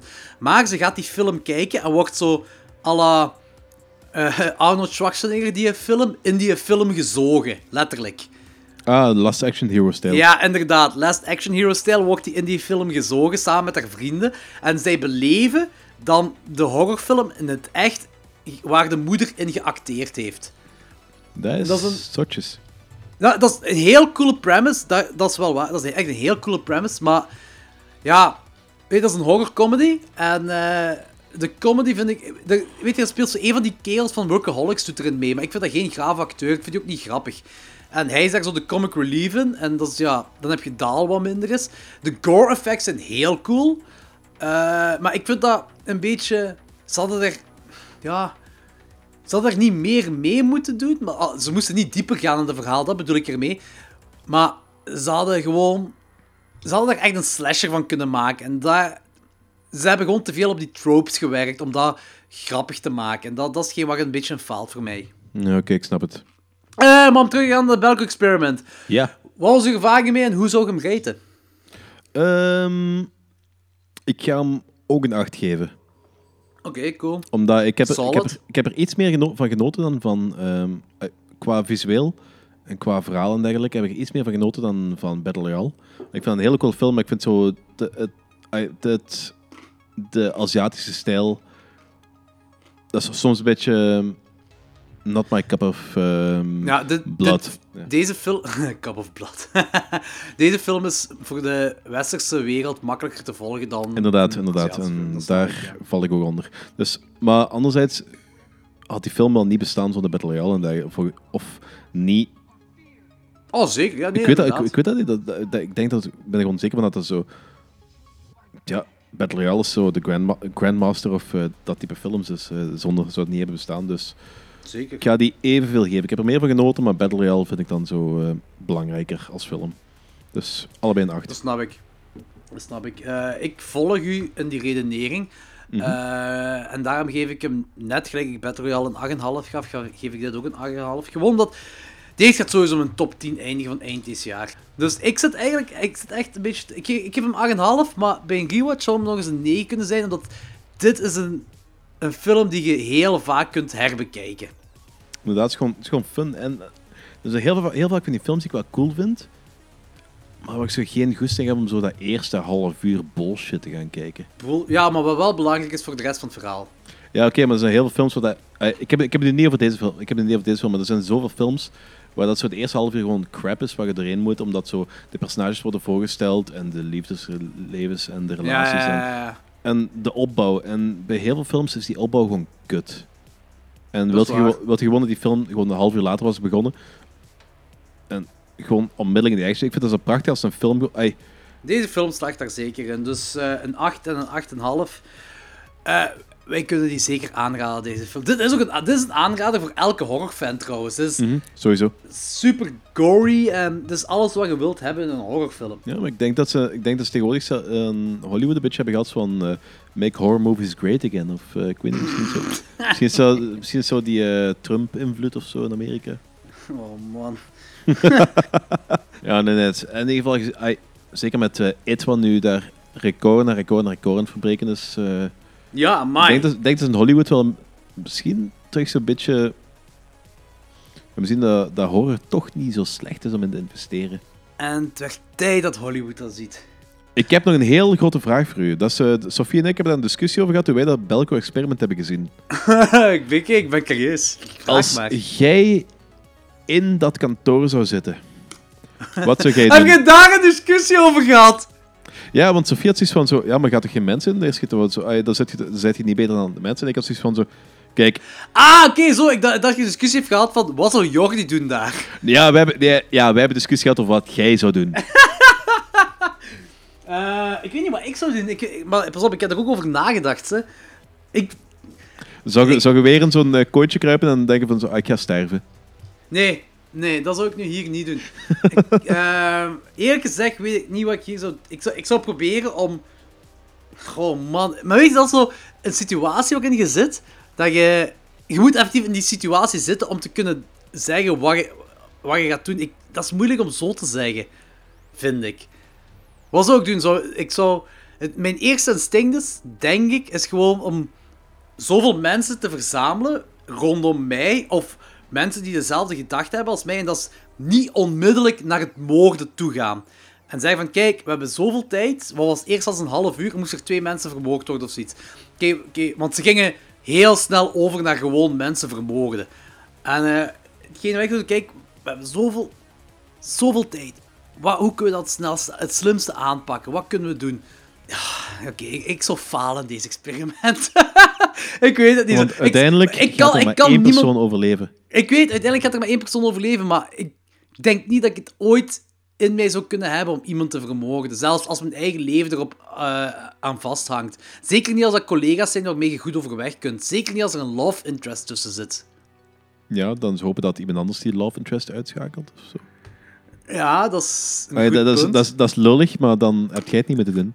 Maar als je, eerlijk, als je eerlijk tegen jezelf bent, zou jij iemand kunnen vermoorden op dat moment? Ja. Amai, echt? Ik- ey, ik- ik- dat, is zo, dat, is zo mijn, dat is zo mijn belangrijkste argument tegen Sofie. Van, eh, als ik daar zou zitten en zou ik bedenken van, dat ik haar en mijn zoon die over een paar maanden aankomt nooit meer zou kunnen zien, omdat iemand anders waarschijnlijk levend weg gaat lopen. Ik zou iedereen daar ogenblikkelijk vermoorden. Om En zelf wat als, daar naar buiten te als uw komen. zwangere vriendin daar in dat gebouw zit en dat zij ook dood moet, zodat jij kunt overleven? Ja, dan moet het voor mij niet meer. Dan eh, vermoord ik iedereen en mag zij naar buiten lopen. En jezelf vermoord je dan ook? Ja, ja zoiets. Ja. Absoluut. Ja, ja. Maar ze zeiden, ze zeiden ook van, zo, ze zegt dan van zo, ja, maar wie zegt dat ze, wie zegt dat ah, het is een experiment, denk je echt dat ze u zo maar gaan laten lopen met eh, die, die kennis van, ah ja, dat bedrijf heeft dat gedaan. Dan heb ik nog zoiets van zo, waarschijnlijk niet.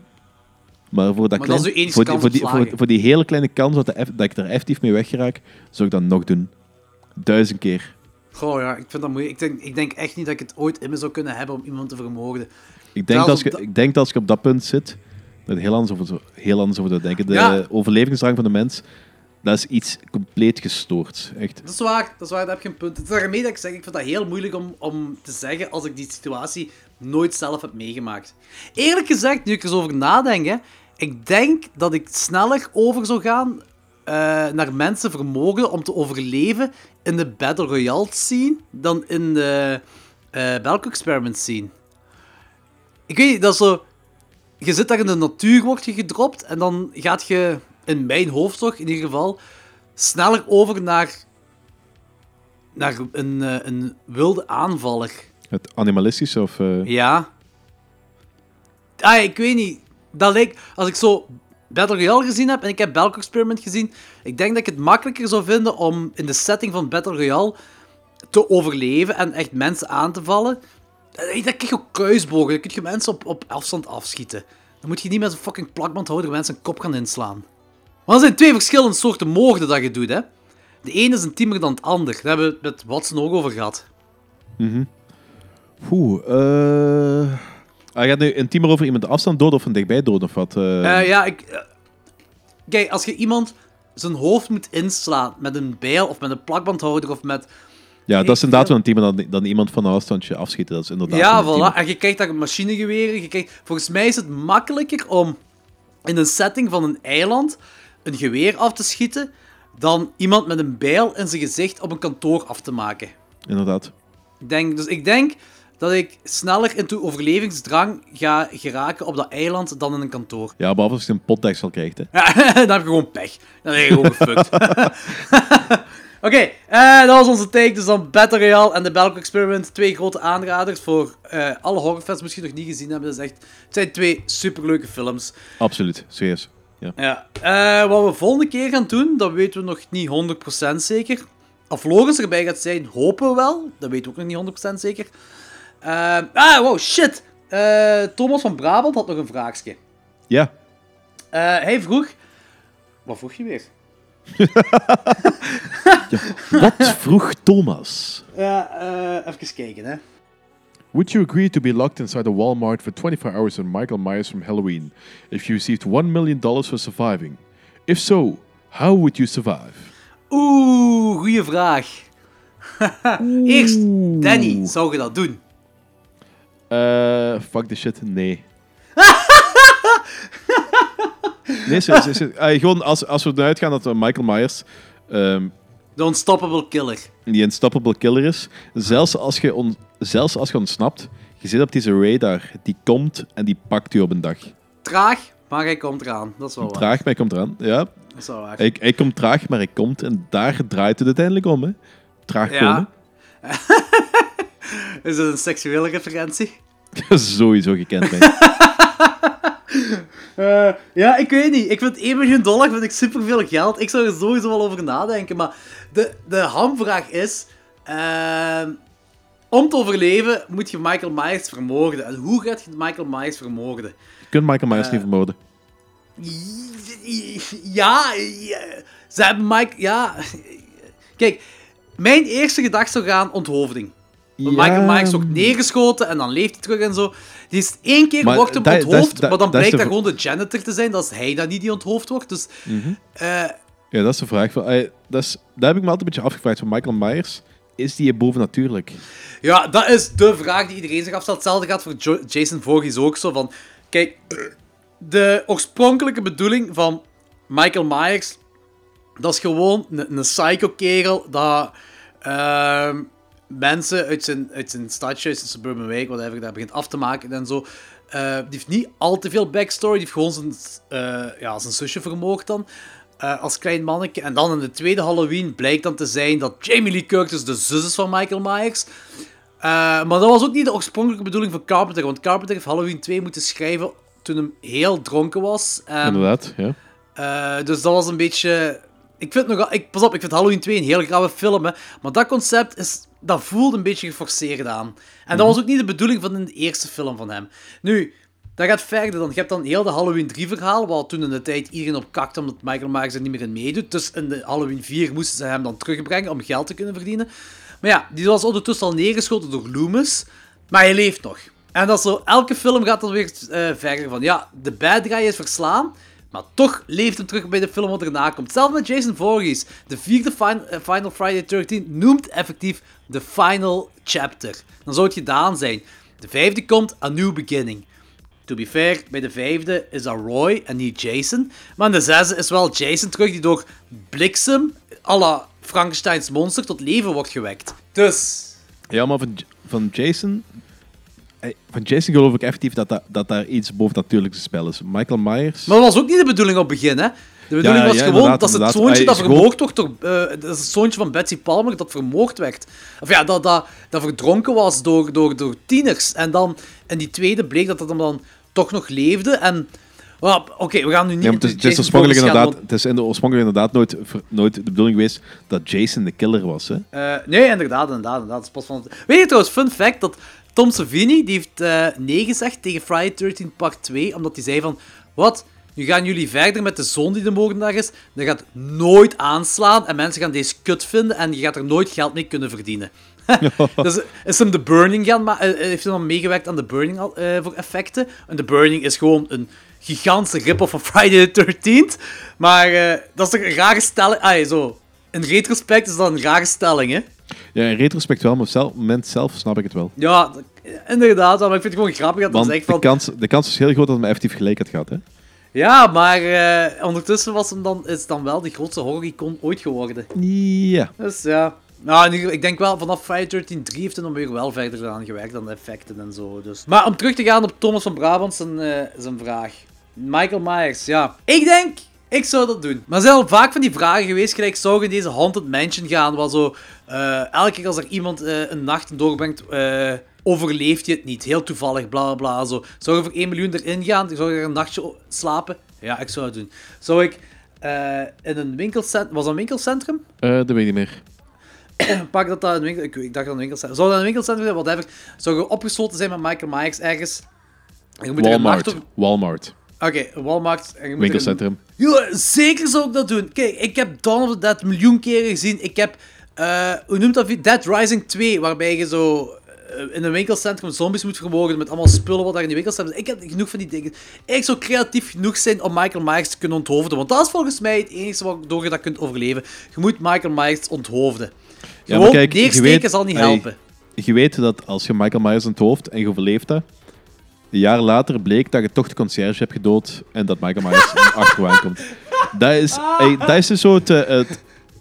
Michael Myers op zich, ik geloof niet dat hij bovennatuurlijk is.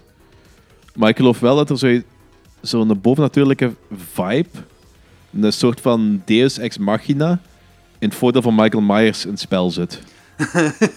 snap, snap je wat ik bedoel? Ik snap perfect wat je Dat bedoelt. zelfs als hij doodgaat, dat, eh, Dat het toch niet dood blijkt te zijn. dat hij toch niet dood blijkt te zijn. En als jij in dat winkelcentrum zit met Michael Myers en je doodt hem, je onthoofdt hem, uiteindelijk gaat eh, uitkomen dat dat helemaal niet Mike was en ehm, dat... Ja, meest, waarschijnlijk kom je erachter als je aan zijn mes hangt. Ja, eh, oké. Maar ik zou... Ik dus zou no fucking way in hell dat ik het zou doen. Ik, ik zou het wel proberen. Ik zou, en ik zou het met die reden ingaan. Kijk, ik ben hier in Walmart en eh, Michael Myers zit hier ook ergens. Ik ga me, maar echt super hard beveiligen. Ik, zou, ik ga mezelf wikkelen in, in messen. Gewoon messen die uitsteken. Dat die, als die gewoon maar een beetje bij in de buurt komt, dat die wel gestoken moet worden. En dat hij dan iets of wat zwakker is, want Michael Myers heeft af en toe zijn zwakke momentjes. Dan onmiddellijk zou ik met een kettingzaag naar zijn nek gaan en zijn, nek eraf, eh, zijn kop eraf snijden. En ja, oké, jaren En later... zo de, is zo de inderdaad- conciërge onthoven. Ja, Maar ja, Laat, me- laat de weten als dat ooit van plan, als dat, als dat ooit van plan zit om dat echt te doen. Want dan eh, ga ik zo de hele tijd niet in de buurt hangen. Want gewoon op het feit dat we de- deze discussie hebben. Als er ooit een film komt van dit ding, ga ik, ehm, gaat die discussie daarin voorkomen. En ga ik een referentiepunt zijn in die film. En dan ben ook, ik ook een mogelijk slachtoffer. Ik wil dat niet. Dus als je dat ooit gaat doen, blijf weg van mij, oké? Wilt je nu gewoon zeggen dat de volgende Halloween-film een uh, Klokslag 12-film gaat worden? Dat zou zo graaf zijn. dat zou echt wel heel cool zijn, dat wel, ja.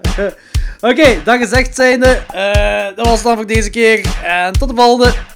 Houdoe.